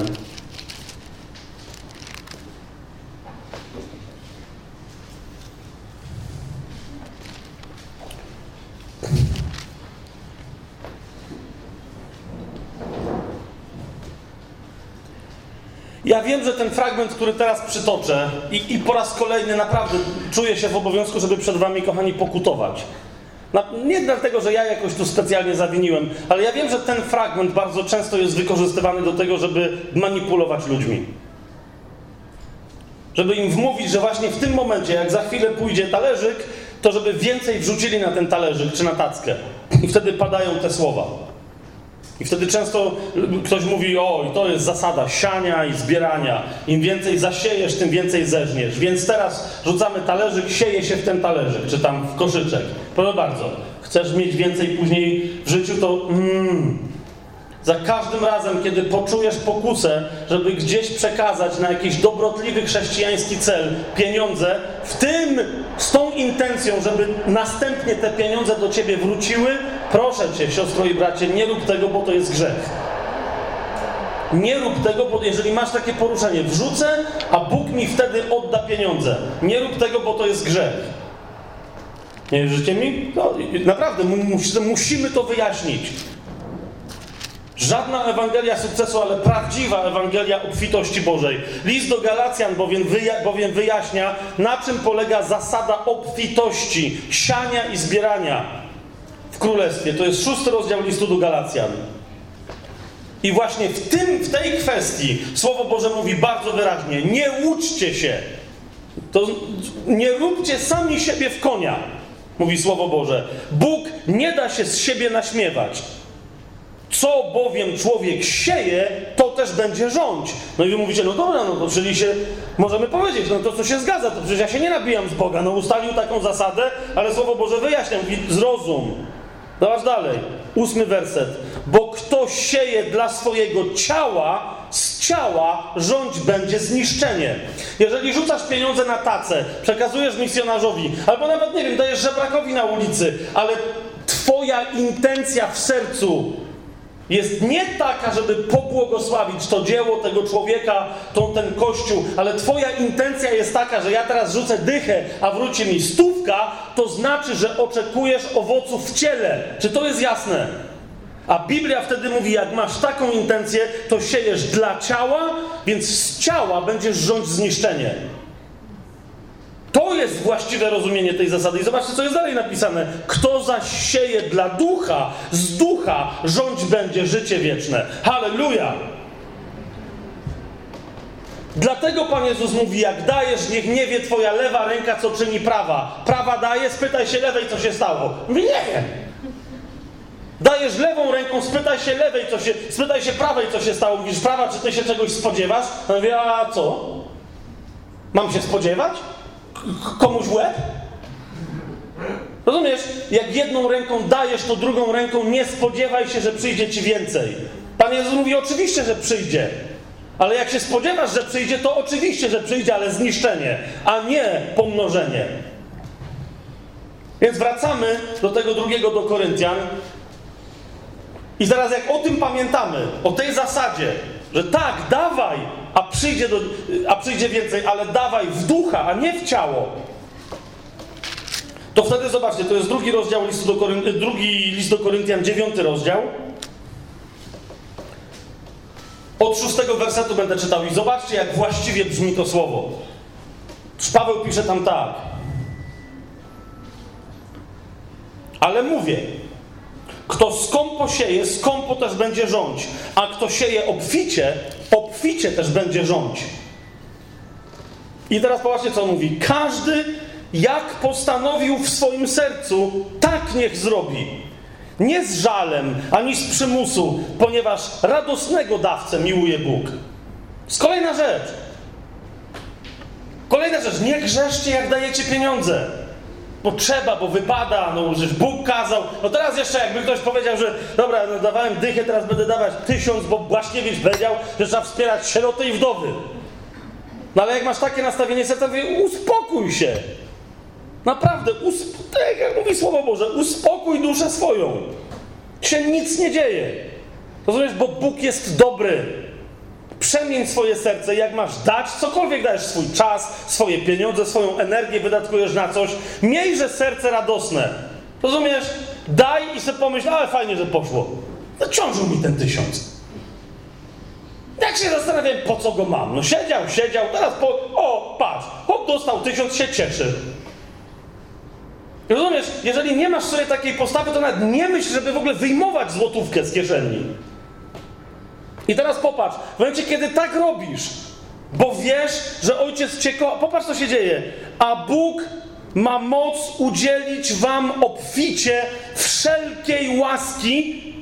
I teraz niektórzy mówią, no, no, no, no, to właśnie, tu jest Ewangelia sukcesu, tu jest mowa o łasce, łaska jest duchowa, o, to będziesz się cieszył, będziesz mówił lepszymi językami. Nie, Bóg ma moc udzielić wam obficie wszelkiej łaski, abyście, zwróćcie uwagę, mając zawsze wszystkiego pod dostatkiem. Rozumiecie? Łaska między innymi wyraża się w tym, że masz zawsze wszystkiego pod dostatkiem. Możesz obficie wspomagać innych i tobie nigdy nie brakuje. O to mi chodzi. Jak się boisz o swoje finanse, to znaczy, że nie wierzysz wcale w to, że Bóg jest dobry. A nawet jak wierzysz w to, że Bóg jest dobry, to nie ufasz, czy ciebie akurat lubi. Nawet jak wierzysz w to, że jesteś jego dzieckiem, to prawdopodobnie myślisz sobie, no nie, zdecydowanie nie jestem jego ulubionym dzieckiem. Bóg ma moc udzielić wam obficie wszelkiej łaski, abyście mając zawsze wszystkiego pod dostatkiem, obfitowali we wszelki dobry uczynek. Jak jest napisane, rozrzucił, dał ubogim, jego sprawiedliwość trwa na wieki. A ten, który daje ziarno siewcy, niech i wam da chleba do jedzenia, i wasze ziarno rozmnoży, i zwiększy plon waszej sprawiedliwości. Abyście byli wzbogaceni, zwróćcie uwagę, we wszystko, po co? Ku wszelkiej hojności, która sprawia, że z naszego powodu składane jest dziękczynienie Bogu. Komu Bóg błogosławi? Temu, kto wie, że nie, o kim wie, że nie jest zatkaną rurą. Wybaczcie mi porównanie. Po co ma Bóg czystą wodę, świeżą, źródlaną, walić w rurę, która z drugiej strony nie ma kranika i wcale, a jak ma, to się wcale nie chce odkręcić? Tylko to jest rura, która chce nieustannie być świeżutką wodą obmywana. Stańże się wreszcie kanalizacją, która będzie doprowadzać do spragnionych żywą wodę. Wtedy zobaczysz, jakie popłyną potoki. To jest to. Rozumiesz, ja dzisiaj nie chcę tylko skończyć na tym, że Jonasz wiedział, jaki Bóg jest dobry. Rozumiesz, bo wciąż niektórzy i tak zapytają, ale jak ja to mam praktycznie osiągnąć? Widzicie, w tym samym liście, w którym Paweł mówi o tych nieprawdopodobnych historiach, że Bóg naprawdę, to jest Jego obietnica, że da Ci zawsze wszystkiego pod dostatkiem. Kiedy tylko Ty będziesz chciała, czy będziesz chciał, chciał pełnić Jego wolę, która jest objawianiem miłości. Wiecie, od czego zaczyna się ten list? Od jednego z najbardziej dla mnie osobiście, najbardziej niesamowitych wyznań miłości, których prawie nigdy w kościele nie słyszę, przedstawianych jako wyznanie miłości. Otóż na początku drugiego listu Pawła do Koryntian, w pierwszym rozdziale, zobaczcie, co mamy sensacyjnego napisanego. Ja wiem, że wy znacie ten fragment, ale chodzi mi o to, że usłyszmy go wreszcie w prawdzie, którą ten fragment przedstawia. Ten Syn Boży, o którym dzisiaj mówiłem jako o baranku, który wylał swoją krew do ostatniej kropli za ciebie i za mnie, o nim Paweł mówi, to jest pierwszy rozdział, 19 werset, a nawet od 18 wersetu. Ten Bóg, który cię kocha, ten Bóg jest ci wierny, nawet jak ty jemu nie jesteś wierny, czy jak ty jemu nie jesteś wierna. I, I Paweł o nim pisze tak. Jak Bóg jest wierny, tak nasze słowa do was nie były tak i nie. Nie, bo my chcemy być Chrystusowi, a w Chrystusie co? Są jakieś słowa tak i nie? Zobaczcie dalej. Ponieważ Syn Boży Jezus Chrystus, który wśród was głoszony był przez nas, to, za, to znaczy przeze mnie, Sylwana i Tymoteusza, nie był tak i nie, ale było w nim tylko tak. I niektórzy czytają ten fragment i mówią, dobra, fajnie, ale to jest jakieś żydowskie gadanie, bo co to w ogóle znaczy? No, posłuchajcie sensacji. Naprawdę, przyjmij, Duchu Święty, proszę Cię, daj nam przyjąć to jako sensację, cudowną, kolejny aspekt Twojej boskiej, dobrej nowiny. Znaczy, że Chrystus nie był taki nie, ale że Chrystus był tylko i wyłącznie tak? Posłuchajcie tego, 20 werset. Ile jest bowiem obietnic Boga, ile jest bowiem obietnic Boga, w nim wszystkie są tak i w nim są amen ku chwale Boga przez nas.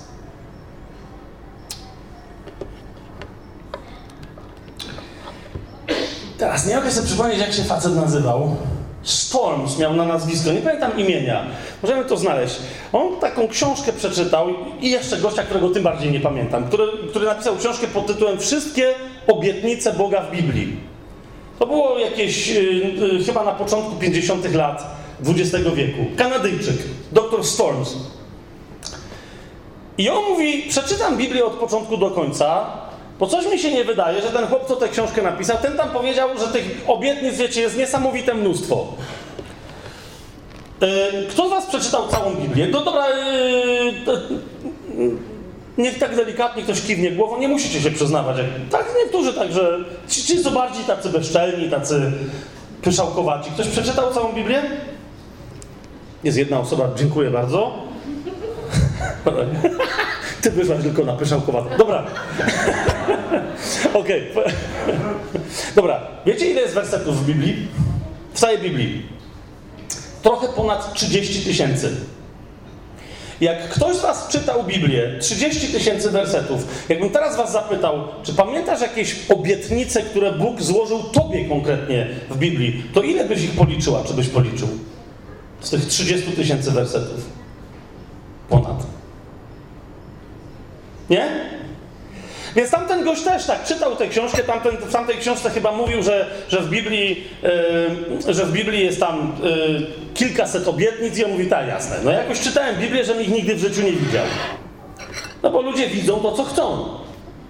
I wyobraźcie sobie, że dr Storms przeczytał Biblię od początku do końca, sprawdzając różne zależności, kto komu co obiecuje co ludzie obiecywali Bogu, co Bóg obiecał swojemu synowi, nawet co diabeł różnym ludziom obiecywał, tak? I w tym wszystkim, no i to, to są liczby typu parę, paręnaście obietnic. I sprawdzał, jak się ma do tego, mają sytuację obietnic Boga, tych, o których drugi do, do Koryntian mówi, że Bóg w tych obietnicach jest na amen i jest na tak. A więc obietnic Boga dla ciebie i dla mnie. Wiecie, ile naliczył obietnic Biblii? Na 30 tysięcy wersetów. Teraz, hej, wiecie ile naliczył obietnic Biblii? I one wszystkie są na tak, i one wszystkie są na amen. 7487 udokumentowanych Dr. Storms. 7487 konkretnych obietnic w Biblii, które Bóg mówi: weź. Rozumiesz, to jest moja umowa z Tobą. Weź i powiedz mi, tato, przecież mi obiecałeś, a ja ci powiem amen, dziecko, amen. Jeżeli ktoś mi mówi, że on wie, że Bóg jest miłością, to to jest zasadniczo test. Ile z tych obietnic znasz? Ile z tych obietnic przyjmujesz jako autentyczne? W ile z tych obietnic Twoje serce już uwierzyło, że Ojciec w nich dla Ciebie jest na tak i na amen? Dlaczego? Bo w Chrystusie wobec tych obietnic nie było nie. Ile z nich znasz?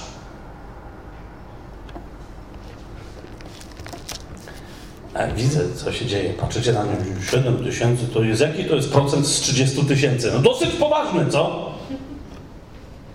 Stwórzmy sobie księgę psalmów. Tylko jeden, jedną rzecz chcę wam pokazać, żeby, żeby was zachęcić. Żeby was poprosić pokornie w imieniu Boga, który was kocha. I mnie, nas, siebie, żeby poprosić pokornie. Żebyśmy przestali walić fochem o ścianę, jak Jonasz śpioch i się obudzili i zaczęli brać Boże obietnice. Spójrzcie chociażby na psalm 91.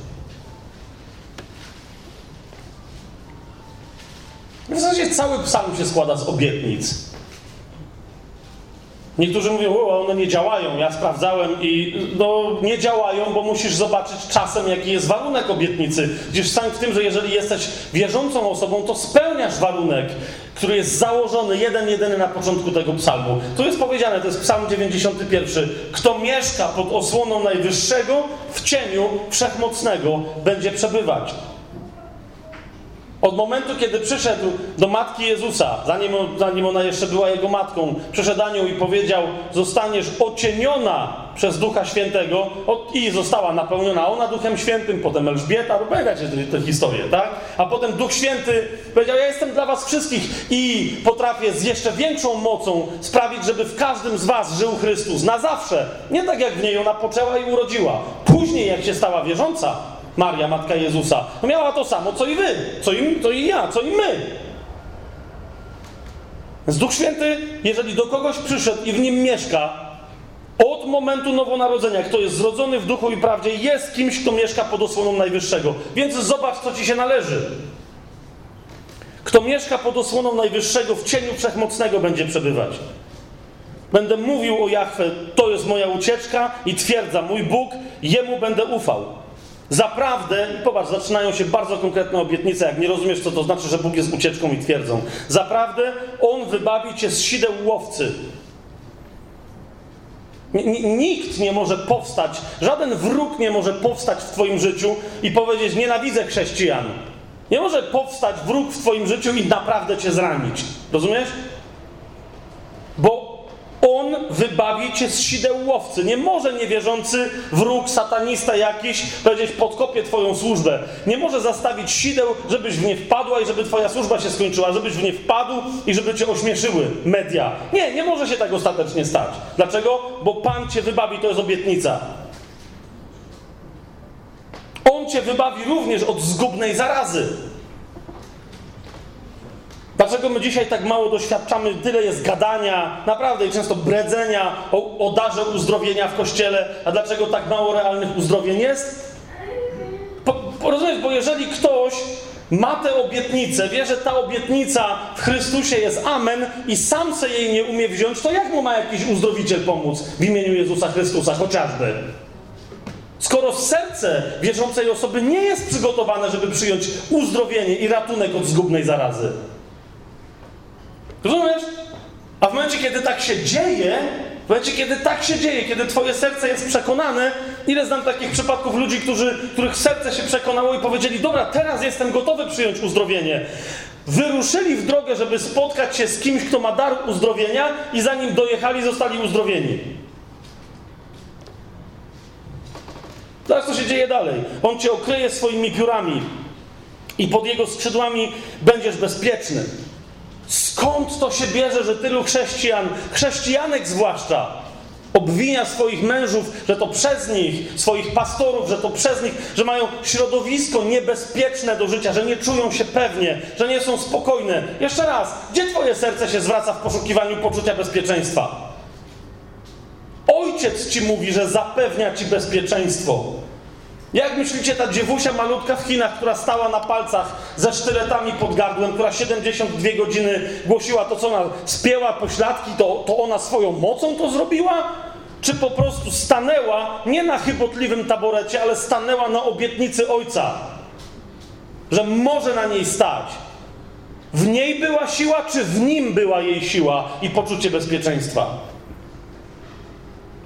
Dalej, Jego prawda będzie ci tarczą i puklerzem.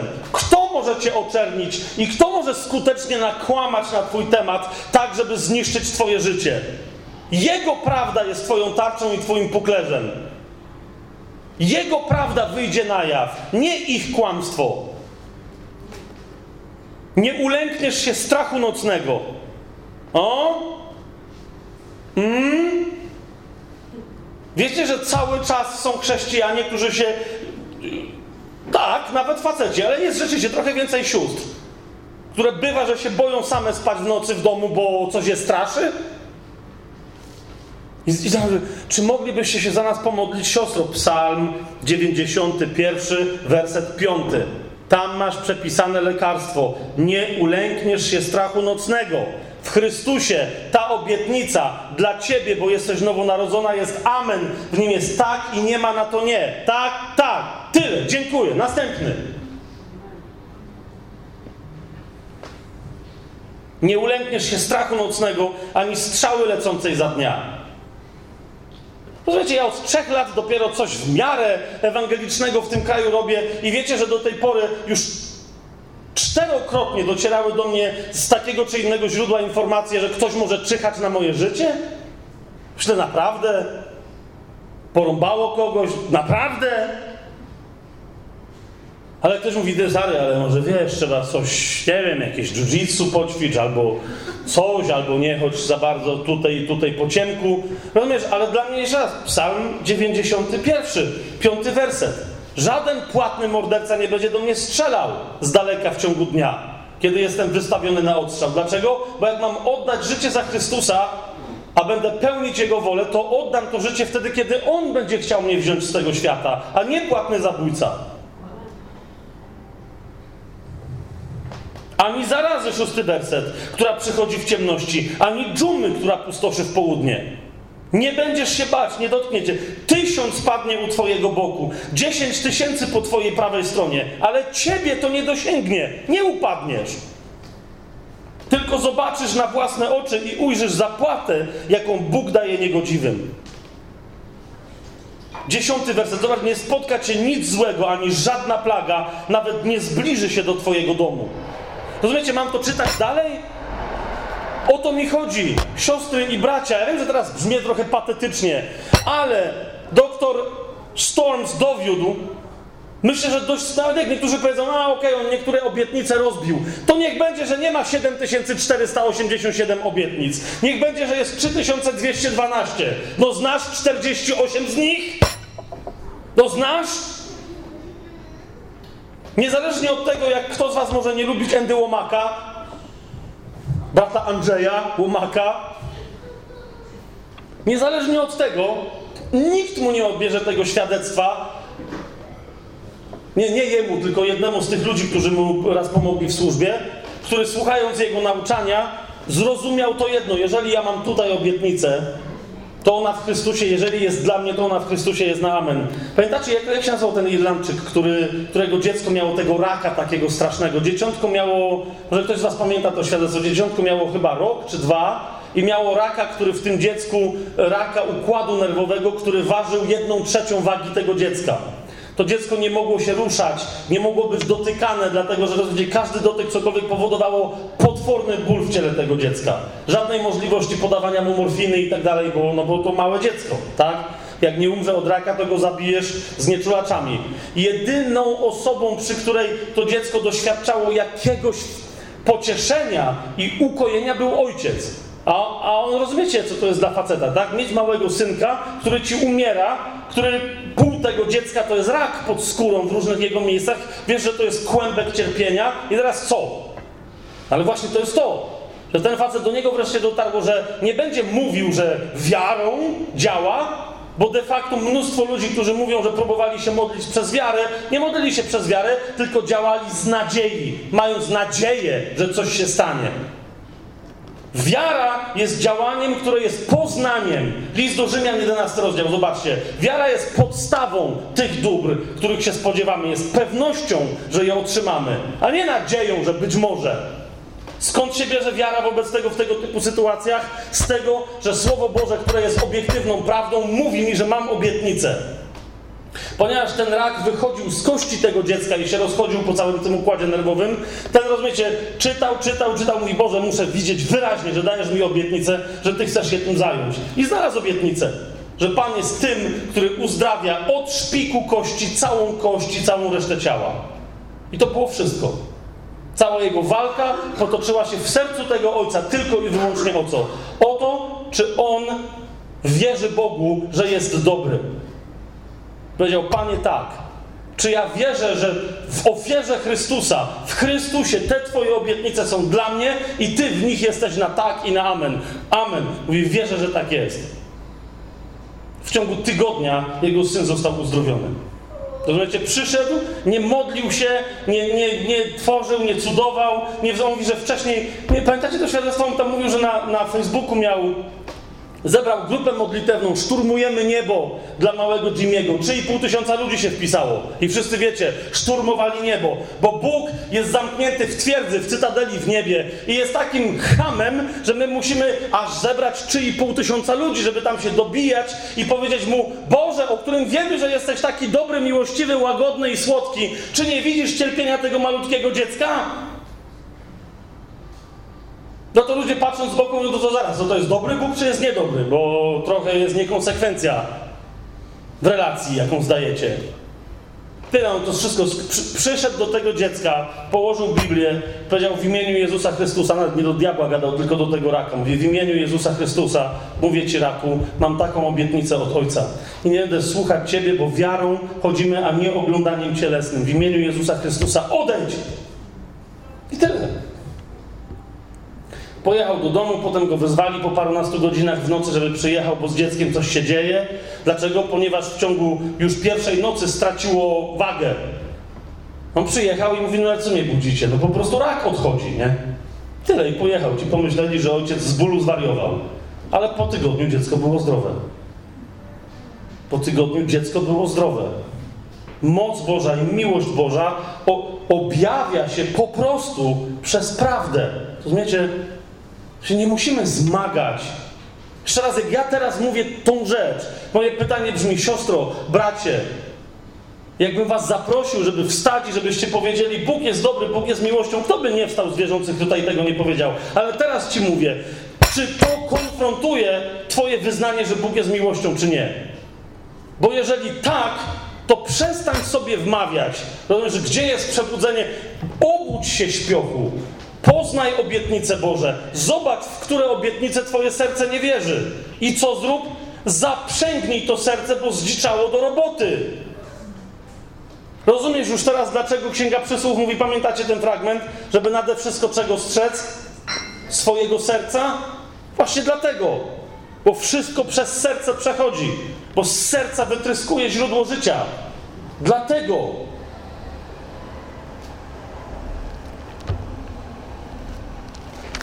Wróćmy do Jonasza. Pierwszy rozdział Jonasza. Pokazują mi, że już koniec, ale mogę jeszcze jedną rzecz powiedzieć? Pierwszy rozdział Jonasza. Chcę wam, wiecie co, pokazać Polskę. Nie wiem, czy się zgodzicie ze mną, ale ja zauważyłem, że jest fantastyczny obraz Polski w księdze Jonasza. To jest odlot. To są chrześcijanie ewangelicznie wierzący, charyzmatycy, antycharyzmatycy, niecharyzmatycy, racjonalni, zdziwolągowani i tak dalej, różne te denominacje, tak? Włącznie z nami cymbałami. Nie mówię o was, mówię o nas tu z tej strony. I, i, I Bóg według mnie ma jeden prosty komentarz do sytuacji chrześcijan ewangelicznych w Polsce, którzy mówią, tyle prorokują o przebudzeniu. Gdzie jest przebudzenie? Otóż kiedy Pan zesłał na okręt, którym płynął Jonasz, tę potężną burzę, o której Księga Jonasza mówi, zobaczcie, co się stało. Jest pierwszy rozdział Księgi Jonasza, piąty werset.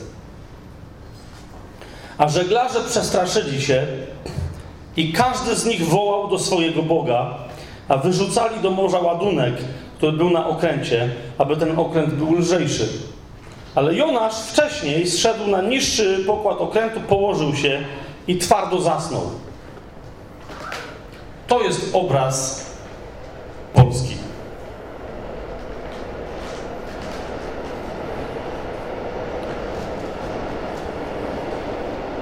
Chrześcijanie ewangelicznie wierzący śpią. Śpią i jak ich przebudzisz i czasem zapytasz, ej, oni powiedzą, my naśladujemy Chrystusa. On też spał. To jest dowód na to, że pomimo przeciwności losu, burz i zawieruchy wokół nas mamy pokój Boży. Jeden z najgorszych bożków polskich chrześcijan to jest święty, yy, bo wiecie, yy, ewangeliczni chrześcijanie się chlubią, że w odróżnieniu od rzymskich katolików nie czczą świętych. Otóż śmiem Dokładnie. Czczą jednego potężnego świętego. On się nazywa Święty Spokój. Kult bałwana jak nic. Co więcej, co więcej, dookoła nich zaczyna rozbrzmiewać, ponieważ świat wie, że czas się kończy. Skąd wie? Bo ten, który rządzi w świecie, świetnie wie, że wszystko się kończy. I zaczyna coraz bardziej mnożyć zło, mnożyć nieczystość, nieczystość, pogłębiać chaos i lęk w ludziach. Świat wie, co się dzieje, i ci, którzy są bardziej religijni w tym świecie, zaczynają powoli, ale coraz głośniej wołać do Boga. W Polsce po raz kolejny podnosi się, co prawda nie taka jak w 90 latach, ale jednak podnosi się jakby fala, jakby przebudzenia charyzmatyków katolickich, różnych ruchów, ruchów katolickich, antycharyzmatyków katolickich. Powiedzcie mi, gdzie jeszcze, w jakim kraju na świecie takie jajca, wybaczcie mi określenia, ale to są jajca.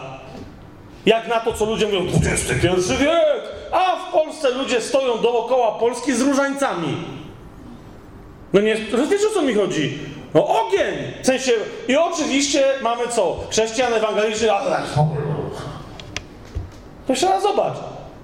Jonasz jest jedynym gościem, który ma bezpośrednią znajomość serca Bożego. To jest po pierwsze. Wie, kim jest Bóg i jakie jest Jego serce. Zna prawdziwego biblijnego Boga. Zna Jego Słowo. Zgadza się? I jeszcze raz zobacz, co się dzieje. Znajduje się na okręcie, na którym poganie z różnych religii robią imprezę, kapujecie, uwielbieniową, robią 58 nabożeństw, bo tam tyle denominacji pogańskich było, albo jeszcze więcej. Rozumiecie, ci cisną różaniec, tam ci nie wiedzą, w którą stronę jest Mekka, w razie czego w każdą stronę walą po 16 na, na dywanikach. Rozumiecie, jacyś buddyści tam w gongi czepią. Rozumiecie, katolicy, tam się, co się tam dzieje. Rozumiecie, okręt się kiwa, a ci łażą z procesją dookoła.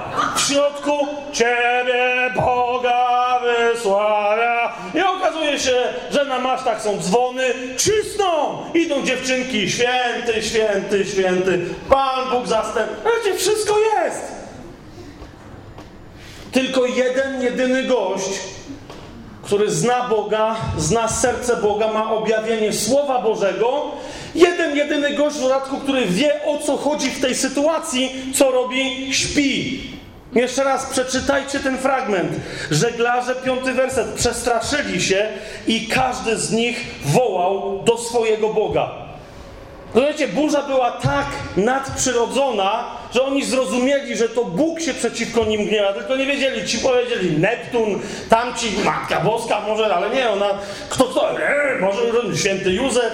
Tamci wymyślili, że Budda niemiłosierny, no nieważne kto, rozumiecie, nie chcę teraz obrażać jakiejś religii, ale to, no rozumiesz?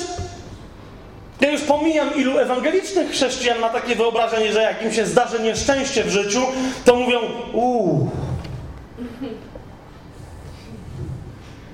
To jest jakaś Boża lekcja zdecydowanie, bo przecież Bóg.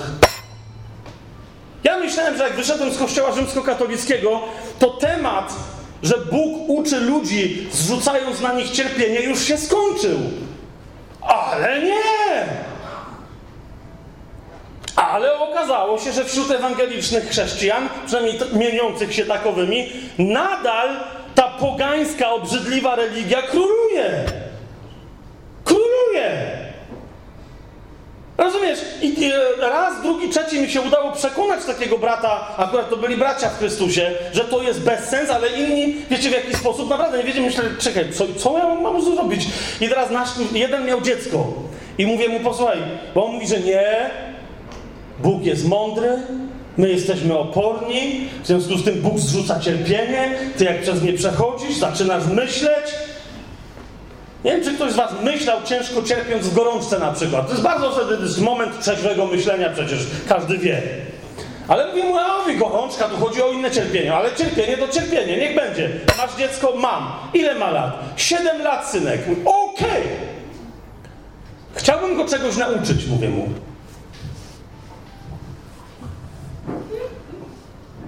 Mógłbyś go tak trochę, nie wiem, rozebrać, przytrzymać mi go. Ale co? I wiesz co, chciałbym mu tak wysadzić z kolana w ryj. I ten mówi, no więc ja wiedziałem, że rozmowa z tobą była... Mówię, zaczekaj, nie, nie, bo ale... Nie, ja, go edukacyjnie rypnę. Nie, czy rozumiesz, ja, ja nie chcę mu zrobić krzywdy. Mi bardzo zależy na tym, żeby on się czegoś nauczył. A czego? On mówi, a słuchaj, to ja, jak chcesz, to tobie też dam wtedy ty się nauczysz, a ja chcę jego nauczyć. Nie, rozumiesz?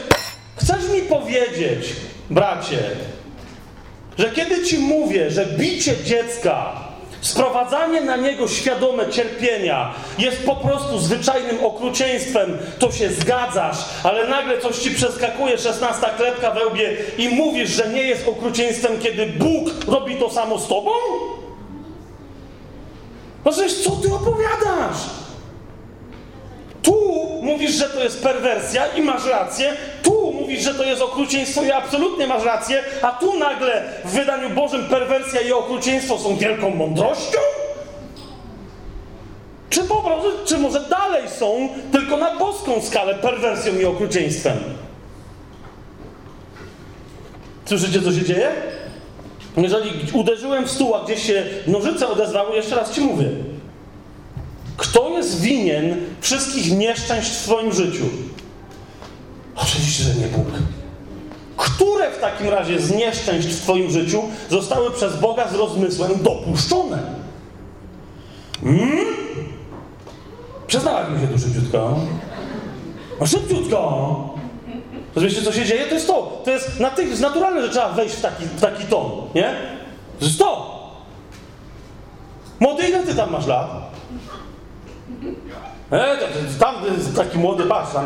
Przepraszam cię, ty, ty nie, ciebie się trochę boję. Jego się nie boję, bo on jest mały. A nie, tatę ma łysego dużego. Kurde. Ile masz lat? Mówże głośniej! No, Rozumiecie, widzicie, co się dzieje? Co wy teraz o mnie myślicie? Jeszcze raz, ile masz lat? 11. Przepraszam cię, bracie. Nie, ja... Przepraszam cię. Przepraszam cię. Chciałem tylko pokazać... Przepraszam cię. Masz na imię? On to masz teraz tutaj, masz, jeszcze miłosierdzie sercu się odezwał, już daj mu spokój. To jest Michał. Jak masz na imię? Michał, no właśnie. 11 lat ma Michał. Rozumiecie, co ja teraz zrobiłem? Ani mnie podszedł do chłopa. Wszyscy wiedzieli, że ja coś próbuję zademonstrować. No, a tu siostra w pierwszym rzędzie już troszkę nogę podwinęła, w razie co będzie startować, żeby mnie obalić przed kamerą, bo przecież żebym nie doszedł. No bo rozumiecie. Przecież podejdę i wiadomo, co zrobię młodemu. Rozumiecie, co jest grane? A my nie, nie tylko tak myślimy o Bogu. Ile z twoich, w ilu z Twoich wyobrażeń Bóg się dokładnie takim głosem odzywa, jak ja się przed chwilą do Michała odezwałem? Jeszcze raz bardzo przepraszam Cię. I pamiętaj, Michał, jeżeli kiedykolwiek ktoś Ci powie, że taki głos może pochodzić od Boga, pamiętaj, że to jest diabeł i tylko i wyłącznie diabeł. Ewentualnie głupi chłop taki jak ja. Ok?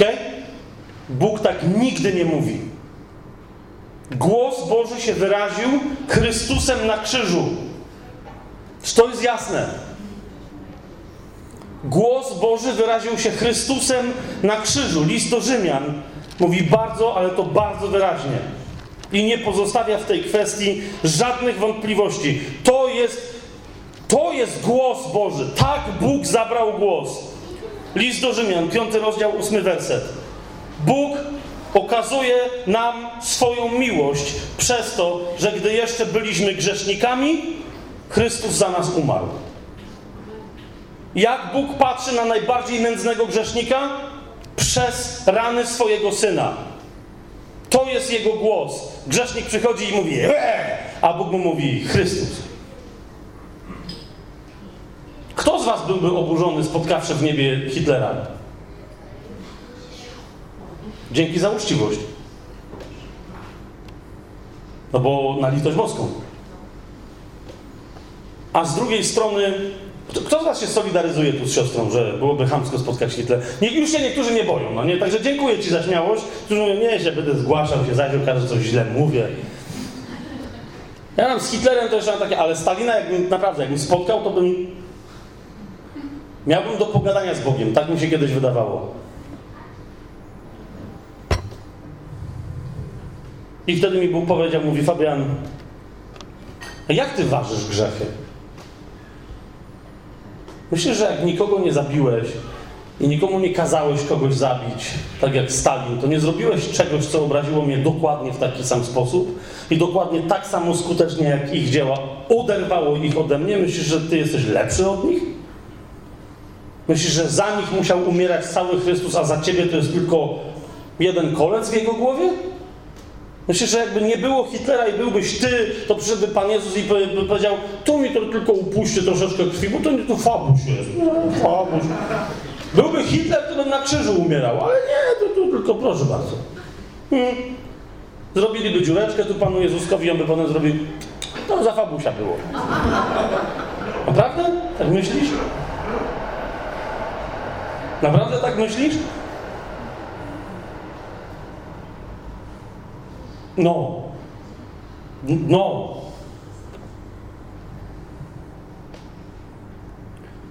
Cokolwiek się nie dzieje, i ja teraz już nawet nie mówię o rzymskich katolikach, wracam do tej księgi Jonasza, ale do, do różnych ludzi, uciekających w jakiś buddyzm w Polsce, w New Age rozmaite, w pseudoateizm, którego nie bardzo rozumieją, ale coś tam, jakieś tam poglądy, przekonania, w trzy trucicielskie miłości. Biblia mówi, że są trzy takie miłości, które wprost sprzeciwiają się Bogu i prowadzą ludzi do piekła. To jest miłość samego siebie, miłość pieniądza i miłość przyjemności. Trzy. Nie, już nie ma, to jest to. Cała reszta z nich wynika. Miłość samego siebie, miłość pieniądza i miłość przyjemności. Paweł na przykład do Tymoteusza o tym pisze, ale też w innych miejscach o tym mówi, że, że miłość do pieniądza jest korzeniem wszelkiego zła i tak dalej. Trzy takie są miłości. Natomiast ci ludzie, nawet kiedy przychodzą do nas i plują na nas i mówią, a co wy tam reprezentujecie? Ile osób, wiecie, jeszcze rok temu nawet przychodziło i mówiło, Fabian, nie możemy my jakoś, nie zrobić jakiejś akcji PR-owej. Się nawróciłem i cała wieś myśli, że jestem świadkiem Jehowy. Nie mieliście tak? A już nawet jak nie... Znaczy, niektórzy nawet gadają, że Jehowy, ale oni nawet nie wiedzą, o co chodzi z Jehowym. Wiadomo, że albo jesteś w kościele rzymskokatolickim, albo jesteś niekatolickim grzesznikiem, też okej, albo jesteś w sekcie. To są trzy możliwości w Polsce. I było takie, nie, nie moglibyśmy ustawić jakoś, że my jesteśmy jakoś, wiesz, coś tam. I naprawdę, ja z początku tak trochę dla żartów, później coraz bardziej na serio zacząłem mówić, ty, ale nie mów ludziom, że jesteś w sekcie, przecież jesteś. No takie, ale jak to, no że stary, no, no proszę oczywiście, nie? Te, od jakiegoś czasu, jak mamy spotkania kościołów domowych w Krakowie, w różnych miejscach mamy, ale czasem jak się witam z tymi panami, co nas wpuszczają na te sale, gdzie tam wynajmujemy, to są różne miejsca, nie? Jakieś tam biznesowe sale i tak różnie. Do jakiegoś czasu, bo ja zawsze widziałem ich spojrzenie takie na zasadzie, no tak, no był już MLM przedwczoraj, sprzedawali soczewki rzekomo przywracające wzrok, potem jeszcze coś. Potem było całkiem poważne spotkanie profesjonalnych biznesmenów od ubezpieczeń, a teraz zaś jest ta sekta. I to ja to widziałem w oczach, nie? Taki gość, taki. Mhm. I raz podszedłem do gościa i mówię, witam pana serdecznie w imieniu naszej najlepszej na świecie sekty. I on nie wie, on się. No chłopie, dajesz grabę, nie? Się z sekciarzem nie widziałem. Będziesz miał historię do opowiedzenia.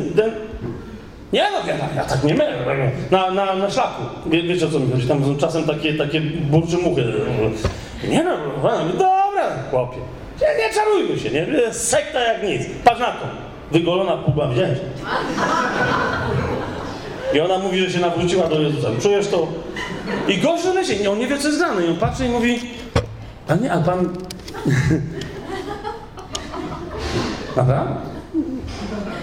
Nie, ja słyszałem, że to są jakieś te protestanty, no nie, nie, o właśnie. Protestanty są porządni ludzie, my jesteśmy sekta. Jakie pro, protestanty? Przecież jakiś kościół by miały, krzyż by postawiły, nie? Pastor by jakiś przyszedł w krawacie, no popatrz pan na mnie. Nie, Rozumiecie, dyskomfort, nie? Nie wie pan co, bo muszę bramę otworzyć, ale otwarta jest, to zamknąć!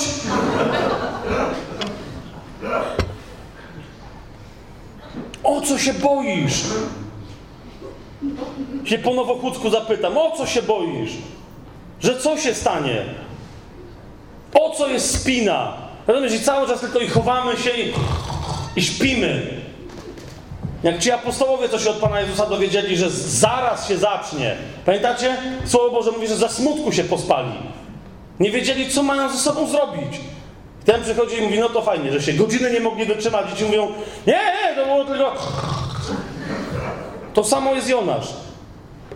Przebudzenie się zaczyna od Twojej zmiany postawy Twojego serca. Od tego się zaczyna przebudzenie. Gdzie jest przebudzenie? Tu jest przebudzenie. Od Twojej relacji, obudź się do relacji miłosnej z Ojcem. Obudź się do przyjęcia Jego błogosławieństw. Obudź się do tego, że jak do Ciebie przychodzą ludzie i się nabijają z Ciebie, że to sekta, to zrozum, że to nie przychodzi do Ciebie nikt i mówi, że to sekta, tylko to jest szósty werset. Przyszedł więc do Ciebie sternik i zapytał, cóż Ty czynisz, śpiochu? Rozumiesz, jeżeli przychodzi do Ciebie, uciesz się, że w ogóle ktoś Cię zauważył. Jako chrześcijankę czy chrześcijanina. Najgorszą rzeczą, świadczącą o nas najgorzej, o to mi chodzi, jest kiedy ludzie nas lekceważą. Im to zwisa, jesteś w sekcie czy w czymś, a będzie. Jeżeli zaczynają cię, zaczynasz ich denerwować, zaczynają gadać na twój temat, zaczynają złośliwie postępować według ciebie, zaczynają się nie fascynować, ale właśnie te złe rzeczy się zaczynają dziać. Dziękuj Bogu, się wreszcie coś zaczęło dziać. Biada wam, powiedział Pan Jezus, biada wam, jeżeli wszyscy samo dobre będą o was mówić. Pamiętacie to? Pan Jezus mówił, biada wam. Jak masz tydzień w życiu, że nie dotarło do ciebie, dobra, dwa tygodnie, miejcie tydzień luzu, urlop, ale dwa tygodnie w życiu takie masz, że nie dotarły do ciebie wieści, że ktoś źle o tobie mówił, że cię oczernił, że powiedział, to, rozumiesz, idź i się spytaj ludzi. Katy, czy ty mnie znasz? Jesteś, wiesz, że ja jestem chrześcijaninem. I nic, naprawdę? Żadnego ruchu nie masz w tym temacie? Że ci coś kontrowersyjnego powiem. Wiesz, że baranek został zabity za ciebie, jego krew jak będzie na ciebie. Nie rozumiesz, nieważne, nie mówi, e, nie wiem co ty gadasz. I bardzo dobrze. Pozwól Duchowi Świętemu działać. Obudźże się wreszcie, odpręż się. Przestań działać tak, jak wszyscy mówią, że trzeba działać, bo to jest nie działanie, tylko spanie. Każdy, kto nam rzuca wyzwanie w tym kraju. Ktoś do mnie przychodzi i mówi, jak ja mam z katolikami, charyzmatykami gadać, jak oni mają to samo, co u nas. To miejże co innego. Rozumiecie, do nas zaczęli ludzie przychodzić w, w Krakowie, bo się okazało, że na naszych nabożeństwach, na nabożeństwach, na naszych spotkaniach kościołów domowych jest uwielbienie, ale nikt nie gra. I niektórzy przyszli, włącznie z katolikami, niektórymi ze wspólnot charyzmatycznych, żeby stwierdzić, ale to da się tak? Przyszli, potem poszli i powiedzieli, e, dziadostwo, u nas to jest ogień. Oczywiście, że tak. Ale niektórzy wrócili. Inni zaczęli gadać, że o człowieku, to jest sekta poważna. Jeszcze my w kościele katolickim mamy pozwolenie od proboszcza, przecież normalnie jest uwielbienie po komunii, się modlimy na językach. A tam wyszedł jakiś taki chłop, ten od tej rudej obgolonej, i mówi zgodnie z pierwszym do Koryntian 14 rozdział, bardzo proszę, ponieważ to jest otwarte spotkanie i są ludzie z zewnątrz, Słowo Boże nas poucza, żeby nie modlić się na językach. Masz! Przyszło jedna trzecia zielonoświątkowców z tych, co się jeszcze modlą na językach, wiecie o co mi chodzi? I ci nagle... To jak może być uwielbienie? Może nie być śpiewania, ale bez języków? No przecież bez naszego szambarabarabadajabarara. Rozumiesz, to się przecież nie da uwielbiać. A Słowo Boże mówi, no ten przyszedł do mnie mówi, ale dlaczego mówi? No mówi pierwszy do kolei, ale ja myślałem, że my jesteśmy charyzmatykami, a nie takimi zaś biblistami. Mówię, bracie, co masz za problem? Jak się nie modlisz na językach, ale wierzysz w charyzmaty, no wierzę, to prorokuj. Przecież mówi Biblia wyraźnie. Jak przyjdą z zewnątrz, nie gadajcie na językach, bo pomyślą, że powariowaliście. Ale jak będziecie prorokować, ich serca będą osądzone i powie, upadną wam do stóp i powiedzą, Bóg jest wśród was. Amen? To wiecie, co mi powiedział? No ale ja to wiem, czy ja prorokuję. No to moja odpowiedź jest, bracie, no to skąd wiesz, że ty się na językach modlisz? I znowu, jak ktoś teraz został urażony, jeszcze raz się ciebie pytam. Co się dzieje, że jest charyzmatyk, który się 25 lat modli na językach i przez 25 lat nie miał żadnego innego daru? Rozumiecie? Nawet jakby nią nic nie poprosił, to by mu z rozpędu na tych językach coś czasem jakieś tłumaczenie weszło. Nie? Co jest grane? Mo może robi wszystko, żeby nie przyszło nic innego, bo jeszcze nie daj Boże, by mu przyszło tłumaczenie na językach, które by jemu kazało coś zrobić. Żeby się okazało, żeby wyprorokował nie komuś, ale sobie. Rozumiesz? Haszej alaja kasę mawaja gęcere w imieniu Jezusa Chrystusa. Mówię sam do siebie przez Ducha Świętego. Wstań, rusz tyłek i przestań spać. Twój sąsiad potrzebuje dobrej nowiny. A szabany to Muszę sobie długie, długie tłumaczenie znaleźć. I od tej pory już nie miał tłumaczeń. Surow... Jeszcze raz, modlę się na językach, prorokuję jak Bóg da, tłumaczę języki jak Bóg da, rozeznaję kiedy i tak dalej. Ale mam dosyć udawania w kościele charyzmatów, kiedy Bóg ma dla nas prawdziwe charyzmaty. Od, od teraz mieliśmy, mieliśmy właśnie wizytę apostoła u nas i tam paręnaście osób, czy parę dziesiąt wstało, zostało uzdrowionych. Nie, nie ma żartów, będą teraz świadectwa, ale tylko tych, którzy po miesiącu dalej są uzdrowieni. Wiecie o co mi chodzi? Bo tam niektórzy wstali, oni zawsze wstają. Ten powiedział, kto ma problem z barkiem, z nogą, tamten miał z wątrobą, ale też wstał, może się załapie. No to czujesz? I jeszcze potem się cieszył. Nie, w sumie, obym cię w w sumie. No po co to robisz? I potem inny obok do ciebie, to za chwilę cię zobaczy, zaś będzie rapacholin. No wiecie, o, nie, nie z tej strony, nie wiem z tej strony. No wiecie o co mi chodzi? Aha, to byłeś uzdrowiony. No ale bo wiesz, bo to się rezwojowa sprawa. No chyba zwojowa. Musimy z tym skończyć, kochani, a przyjąć autentyczne błogosławieństwo. Przestać udawać, kiedy jest udawanie, że nie widzimy udawania. Tylko mówić wprost, to nie jest to. Ale jak wtedy zaczną się pojawiać prawdziwe rzeczy, to nie bać się, że one są, tylko powiedzieć: O, ale to, to jest to. Bóg jest dobry.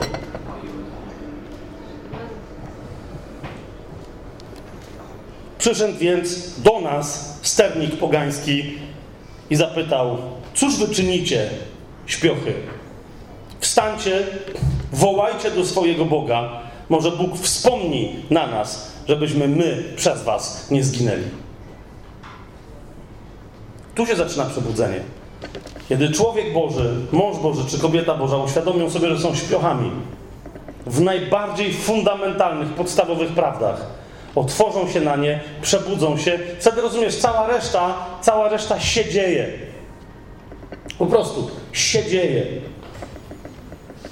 Będąc tutaj, dzisiaj był między innymi, zresztą w ogóle sensacyjny, dzisiaj Dzień Dziecka. Wiecie, że jest Dzień Dziecka? To dużo ludzi przyszło tylko powiedzieć, ty jest Dzień Dziecka, a idę z dziećmi. Więc byłoby tu nawet więcej ludzi niż na nas jest teraz. Ale jestem przeszczęśliwy, ponieważ między innymi oprócz mnie było tu jeszcze dwóch byłych księży. Z czego jeden, i to jest pierwszy raz, kiedy to, co mi się zdarzyło w historii, ale mieliśmy proroctwo dzisiaj rano, brat Tymoteusz prorokował, że każdy z nas będzie miał dzisiaj prezent od Boga. Pierwsze, co przychodzę tutaj, rozumiecie, co się okazuje? E, jezuita, z którym się poznaliśmy 20 parę lat temu, w 90 chyba 5 czy 6 roku. Tu przychodzi z żoną. Jeden z tych gości, który wtedy o mnie wiedział, ty jesteś jezuitą, ale ty jesteś zbawiony. A ja o nim wiedziałem, ty jesteś też jezuitą, ale ty też jesteś zbawiony. Nie było nas takich wielu, ale trochę było. I tu dzisiaj przychodzi mówi, jestem, coś się będzie działo. Wiecie, ile tu jest teraz osób? 70, 80 osób? I, I macie trzech byłych księży. Rozumiecie, co ja gadam? Macie trzech byłych księży. Tamten, już jakiś czas temu, ten rok temu. Będą następni. Już wiem, że są następni. Już jesteśmy w kontakcie. Oni nie wiedzą, co, jak sobie mają poradzić z tą sytuacją. Trafiają do, do nas, do, do protestantów, do, do nieprotestanckich, biblijnie wierzących chrześcijan. Rozumiecie, i się okazuje, że ludzie są w szoku. E, to ja nie wiem, co mam z tobą zrobić. No to się potem nie pytaj, gdzie jest przebudzenie, tylko się obudź. Jak możesz nie wiedzieć, bo to jest ksiądz. No i co? Taki sam grzesznik jak każdy inny. Ratuj go. Głoś mu Ewangelię, pomódl się za niego. Pomóż mu. Hmm? Siostrze, o, siostry są, bywa, że zakony są gorsze jak księża, nie? Tam jest, ale nadal. Bóg ci da łaskę, podejdź. Masz kogoś w rodzinie, kto jest ekstremalnie maryjny? Nie atakuj, że go od razu, że ale wie, matka, bo i, i matką, tęcie różańcem po głowie tego matką boską, podstawką. Bęc, bęc, wojna domowa. Dajże spokój. Jakby to, czy to są ludzie, których już za, zakwalifikujesz do faryzeuszy, czy jako wołających do ciebie przebudź się śpiochu i pokaż mi prawdziwego Boga? Jak zrobiłby to Jezus? Jak Duch Święty ci mówi, że masz to zrobić? Znam świadectwo jednej, jednej osoby, której nawiasem mówiąc to poradziłem. Mówi, ale wiesz co, ja się przez różaniec nie umie przebić. Jeszcze ten się denerwował na różaniec, tamta co się na różańcu modlią. Mówi, widzisz, Matka Boska cię trzyma, się boisz, protestancie. Tak było. I ten mówi, człowieku, czarownica Maryjny, daj spokój. Wejdzie w sam środek tego różańca. Jak to? No chłopie, pierwsza część Zdrowaś Mario, nie wiem czy zauważyliście, to jest cytat z Pisma Świętego. To otwórzże ten cytat i powiedz jej, że to super się modlisz dziewczyno, do połowy. No od połowy są głupoty, ale do połowy jest cytat Biblii. Błogosławiony owoc żywota twojego kto? Jezus. I tyle. I ten, wiecie co, teraz, teraz jestem ciekawy, bo tu będzie, to jak dzisiaj tutaj trzeszczy religia, jak pęka te wszystkie kry, to się no, nie mogę nacieszyć. Ale to następny lodołamacz idzie, uważajcie. Wiecie co on zaczął robić? Biblijnie wierzący chłopak. Mu siostra już się łapie za szyję, nie mów, że, bo ja już chyba wiem. Zaczął się modlić z nią na różańcu. Do połowy. Do. On się zapytał, a, a mógłbym ja się z tobą pomodlić? Rozumiecie, szok tej, a matka, bo... I ta pomyślała sobie pod stołem, dzięki ci Matko Boska, nawraca się chłopak. I cyk, Ojcze Nasz mówili razem. Wierzę w Boga, mówili razem. A o co chodzi? Tam wszystkie dobre rzeczy są. Ten ją potem jeszcze haratną, mówi, babcia, ty zauważyłaś, że jest yy, ciała zmartwychwstanie, żywot wieczny, amen? Ja mówię, oczywiście, że chodzę do kościoła, to wiem. Czyli ty wierzysz w to, że Pan Jezus wróci na ziemię i zmartwychwstaniemy w ciałach.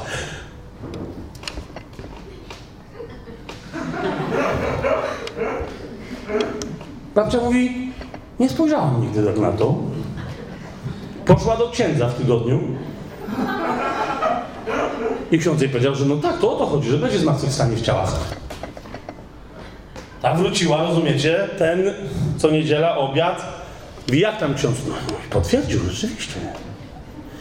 To modlimy się, babcia, czy nie? No, nie, nie, no dobrze, no to oczywiście, jak najbardziej. I ten za każdym razem docierali, rozumiecie, Zdrowaś Mario, łaskiś pełna, błogosławiony owoc żywota Twojego, Jezus, koniec. I babka za chwilę sama zostawała. Święta Mario. Oczekujecie, że on teraz będzie się nawróciła? Jeszcze nie. Ale czujecie, że jest dobrze, nie? Babcia się zaczęła otwierać. Zaczęła przepytywać. Mówi, że ja tam nigdy nie, aż taka Maryjna nie była. Ja tak uważam, że figury aż takie święte to już jest ten etap. Rozumiecie? Zaczęła się dyskusja. Tak? Ten ją przestał nienawidzić. Ta się go przestała bać. Się przestali drzeć na siebie i tak dalej. Przecież o to mi chodzi. To jest przebudzenie. Zróbże coś inaczej. Zapytaj Ducha Świętego, jak to zrobić. Jest takie pytanie, zada moja żona ostatnio ma y, różne przejścia w życiu. Zadałem jej pytanie, które mi podsunął Duch Święty z absolutnie, nie powiem wam jakiego źródła, bo były zupełnie była kolejna fala, kolejna fala pytań. Nie jakiegoś bezbożnego, ale nie z Biblii. I Madzia tam rozważa jakieś tam rzeczy i ja jej mówię, Madzia, co gdyby Duch Święty stanął teraz przed tobą i zadał ci pytanie, to co ty myślisz, że jest takie ciężkie, gdyby ci powiedział, córko, a co gdybym ci powiedział, że to jest łatwe? To co byś zrobiła?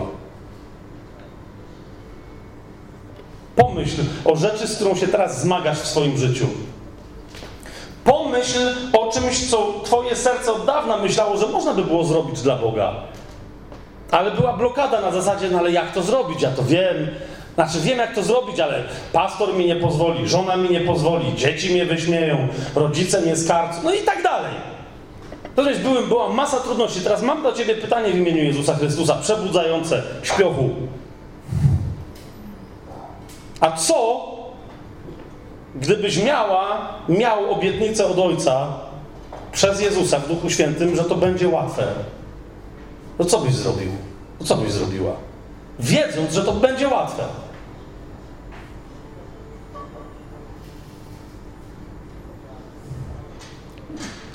Nie będziemy odwracać kamery, bo to nie ma sensu, ale słuchajcie, co się dzieje na waszych twarzach teraz? To jest przebudzenie.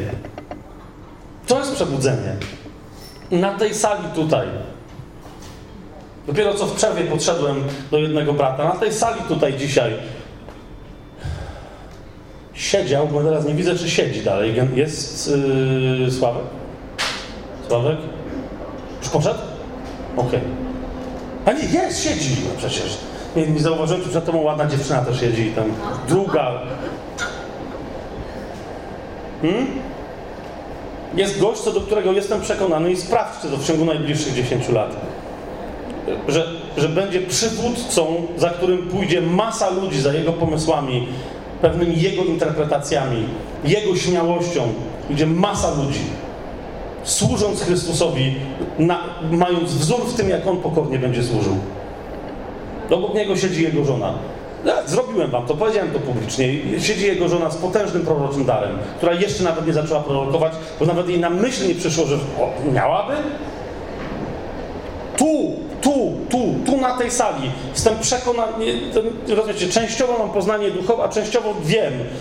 Tu na tej sali siedzi kilkanaście osób, które już w tym momencie mogłyby rozpocząć kościół domowy lub służbę jakiegoś rodzaju w swoim zborze. W tym momencie, gdyby tylko poszły i powiedziały jakiejś jednej osobie, słuchaj, nie prosząc o, o, o pozwolenie, ale poszły i powiedziały, posłuchaj, chcę to zrobić. Zdziwilibyście się, gdybyście usłyszeli, no wreszcie, żeśmy czekali na ciebie. To jest to, pomyśl, co by to mogło być w twoim życiu? Jeżeli to jest kilkanaście osób, to zobaczcie, jest grane. No to, to pe pewnie jesteś ty. Hmm? Trójka albo czwórka misjonarzy, o których Bóg z dawien dawna myślał, że powinni opuścić ten kontynent i udać się do Ameryki Południowej i do Azji, tu na tej sali. Z czego oso jedna osoba ma więcej niż 50 lat. I nadal może jechać jako misjonarz do, do, do dalekiego kraju na innym kontynencie.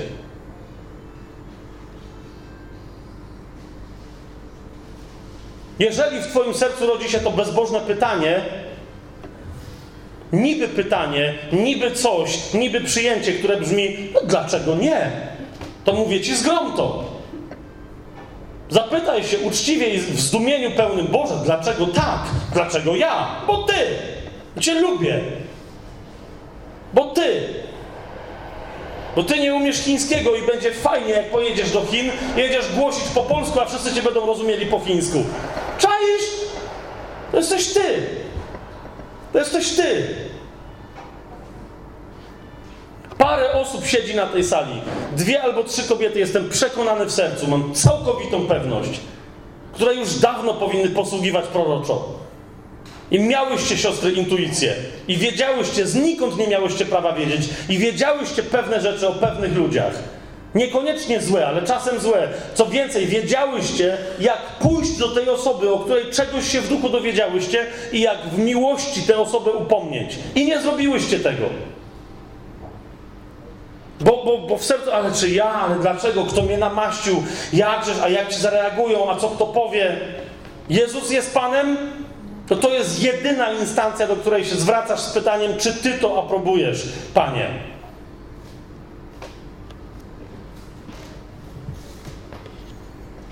Paru mężczyzn, których tu widzę z tak ewidentnie gorącym sercem pasterza, którzy zostali w tym sercu zranieni i teraz się boją przyznać, że są zranieni.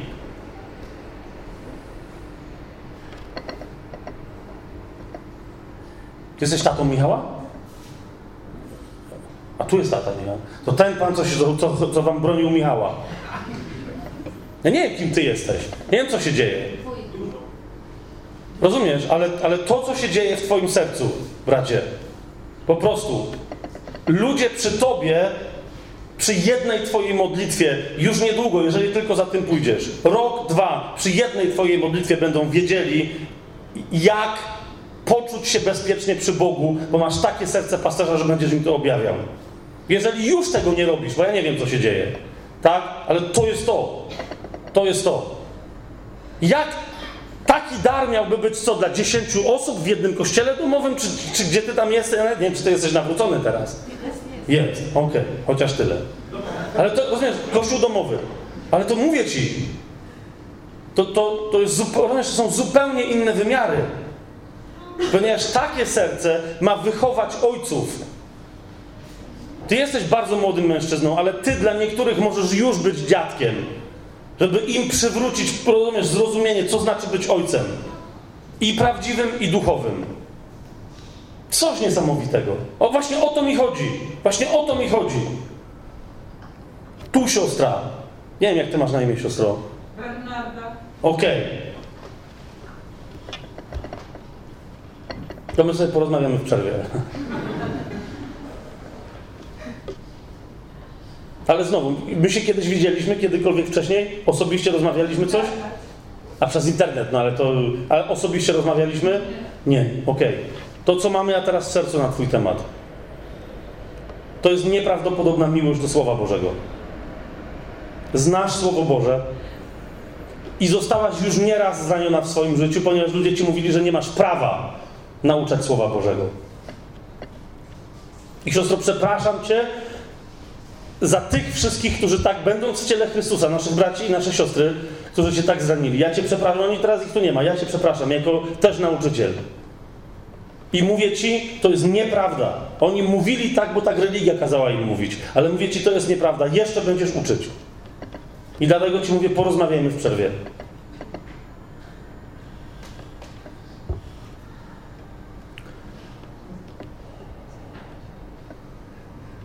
W ogóle dzieje tutaj? No nie powinienem prorokować, bo nie jestem prorokiem, ale co ja zrobię na to? Widzicie o co mi chodzi? Mi też Bóg płata figle czasami. No nie, więc to nie jest proroctwo, po prostu wi- widzę tych parę serc. Propozycja moja jest taka, żebyśmy teraz zrobili przerwę. Która jest godzina? Za 15 trzecia, ale krótką, 15-minutową. I jeszcze będzie czas na pytania i odpowiedzi, ale co wy na to, żeby się pomodlić o, przebud- o to przebudzenie Jonaszowe, żebyśmy, kto chce uznać, że jest śpiochem i chce wstać, chce mieć taką relację z Bogiem, nie o jakiej ja dzisiaj wam mówiłem, ale o jakiej Duch Święty dziś mówił tobie w twoim sercu, kto chce do tego wstać, kto chce przebudzenia, to, będziemy się, to byśmy się o to pomodlili. Co wy na to? Amen?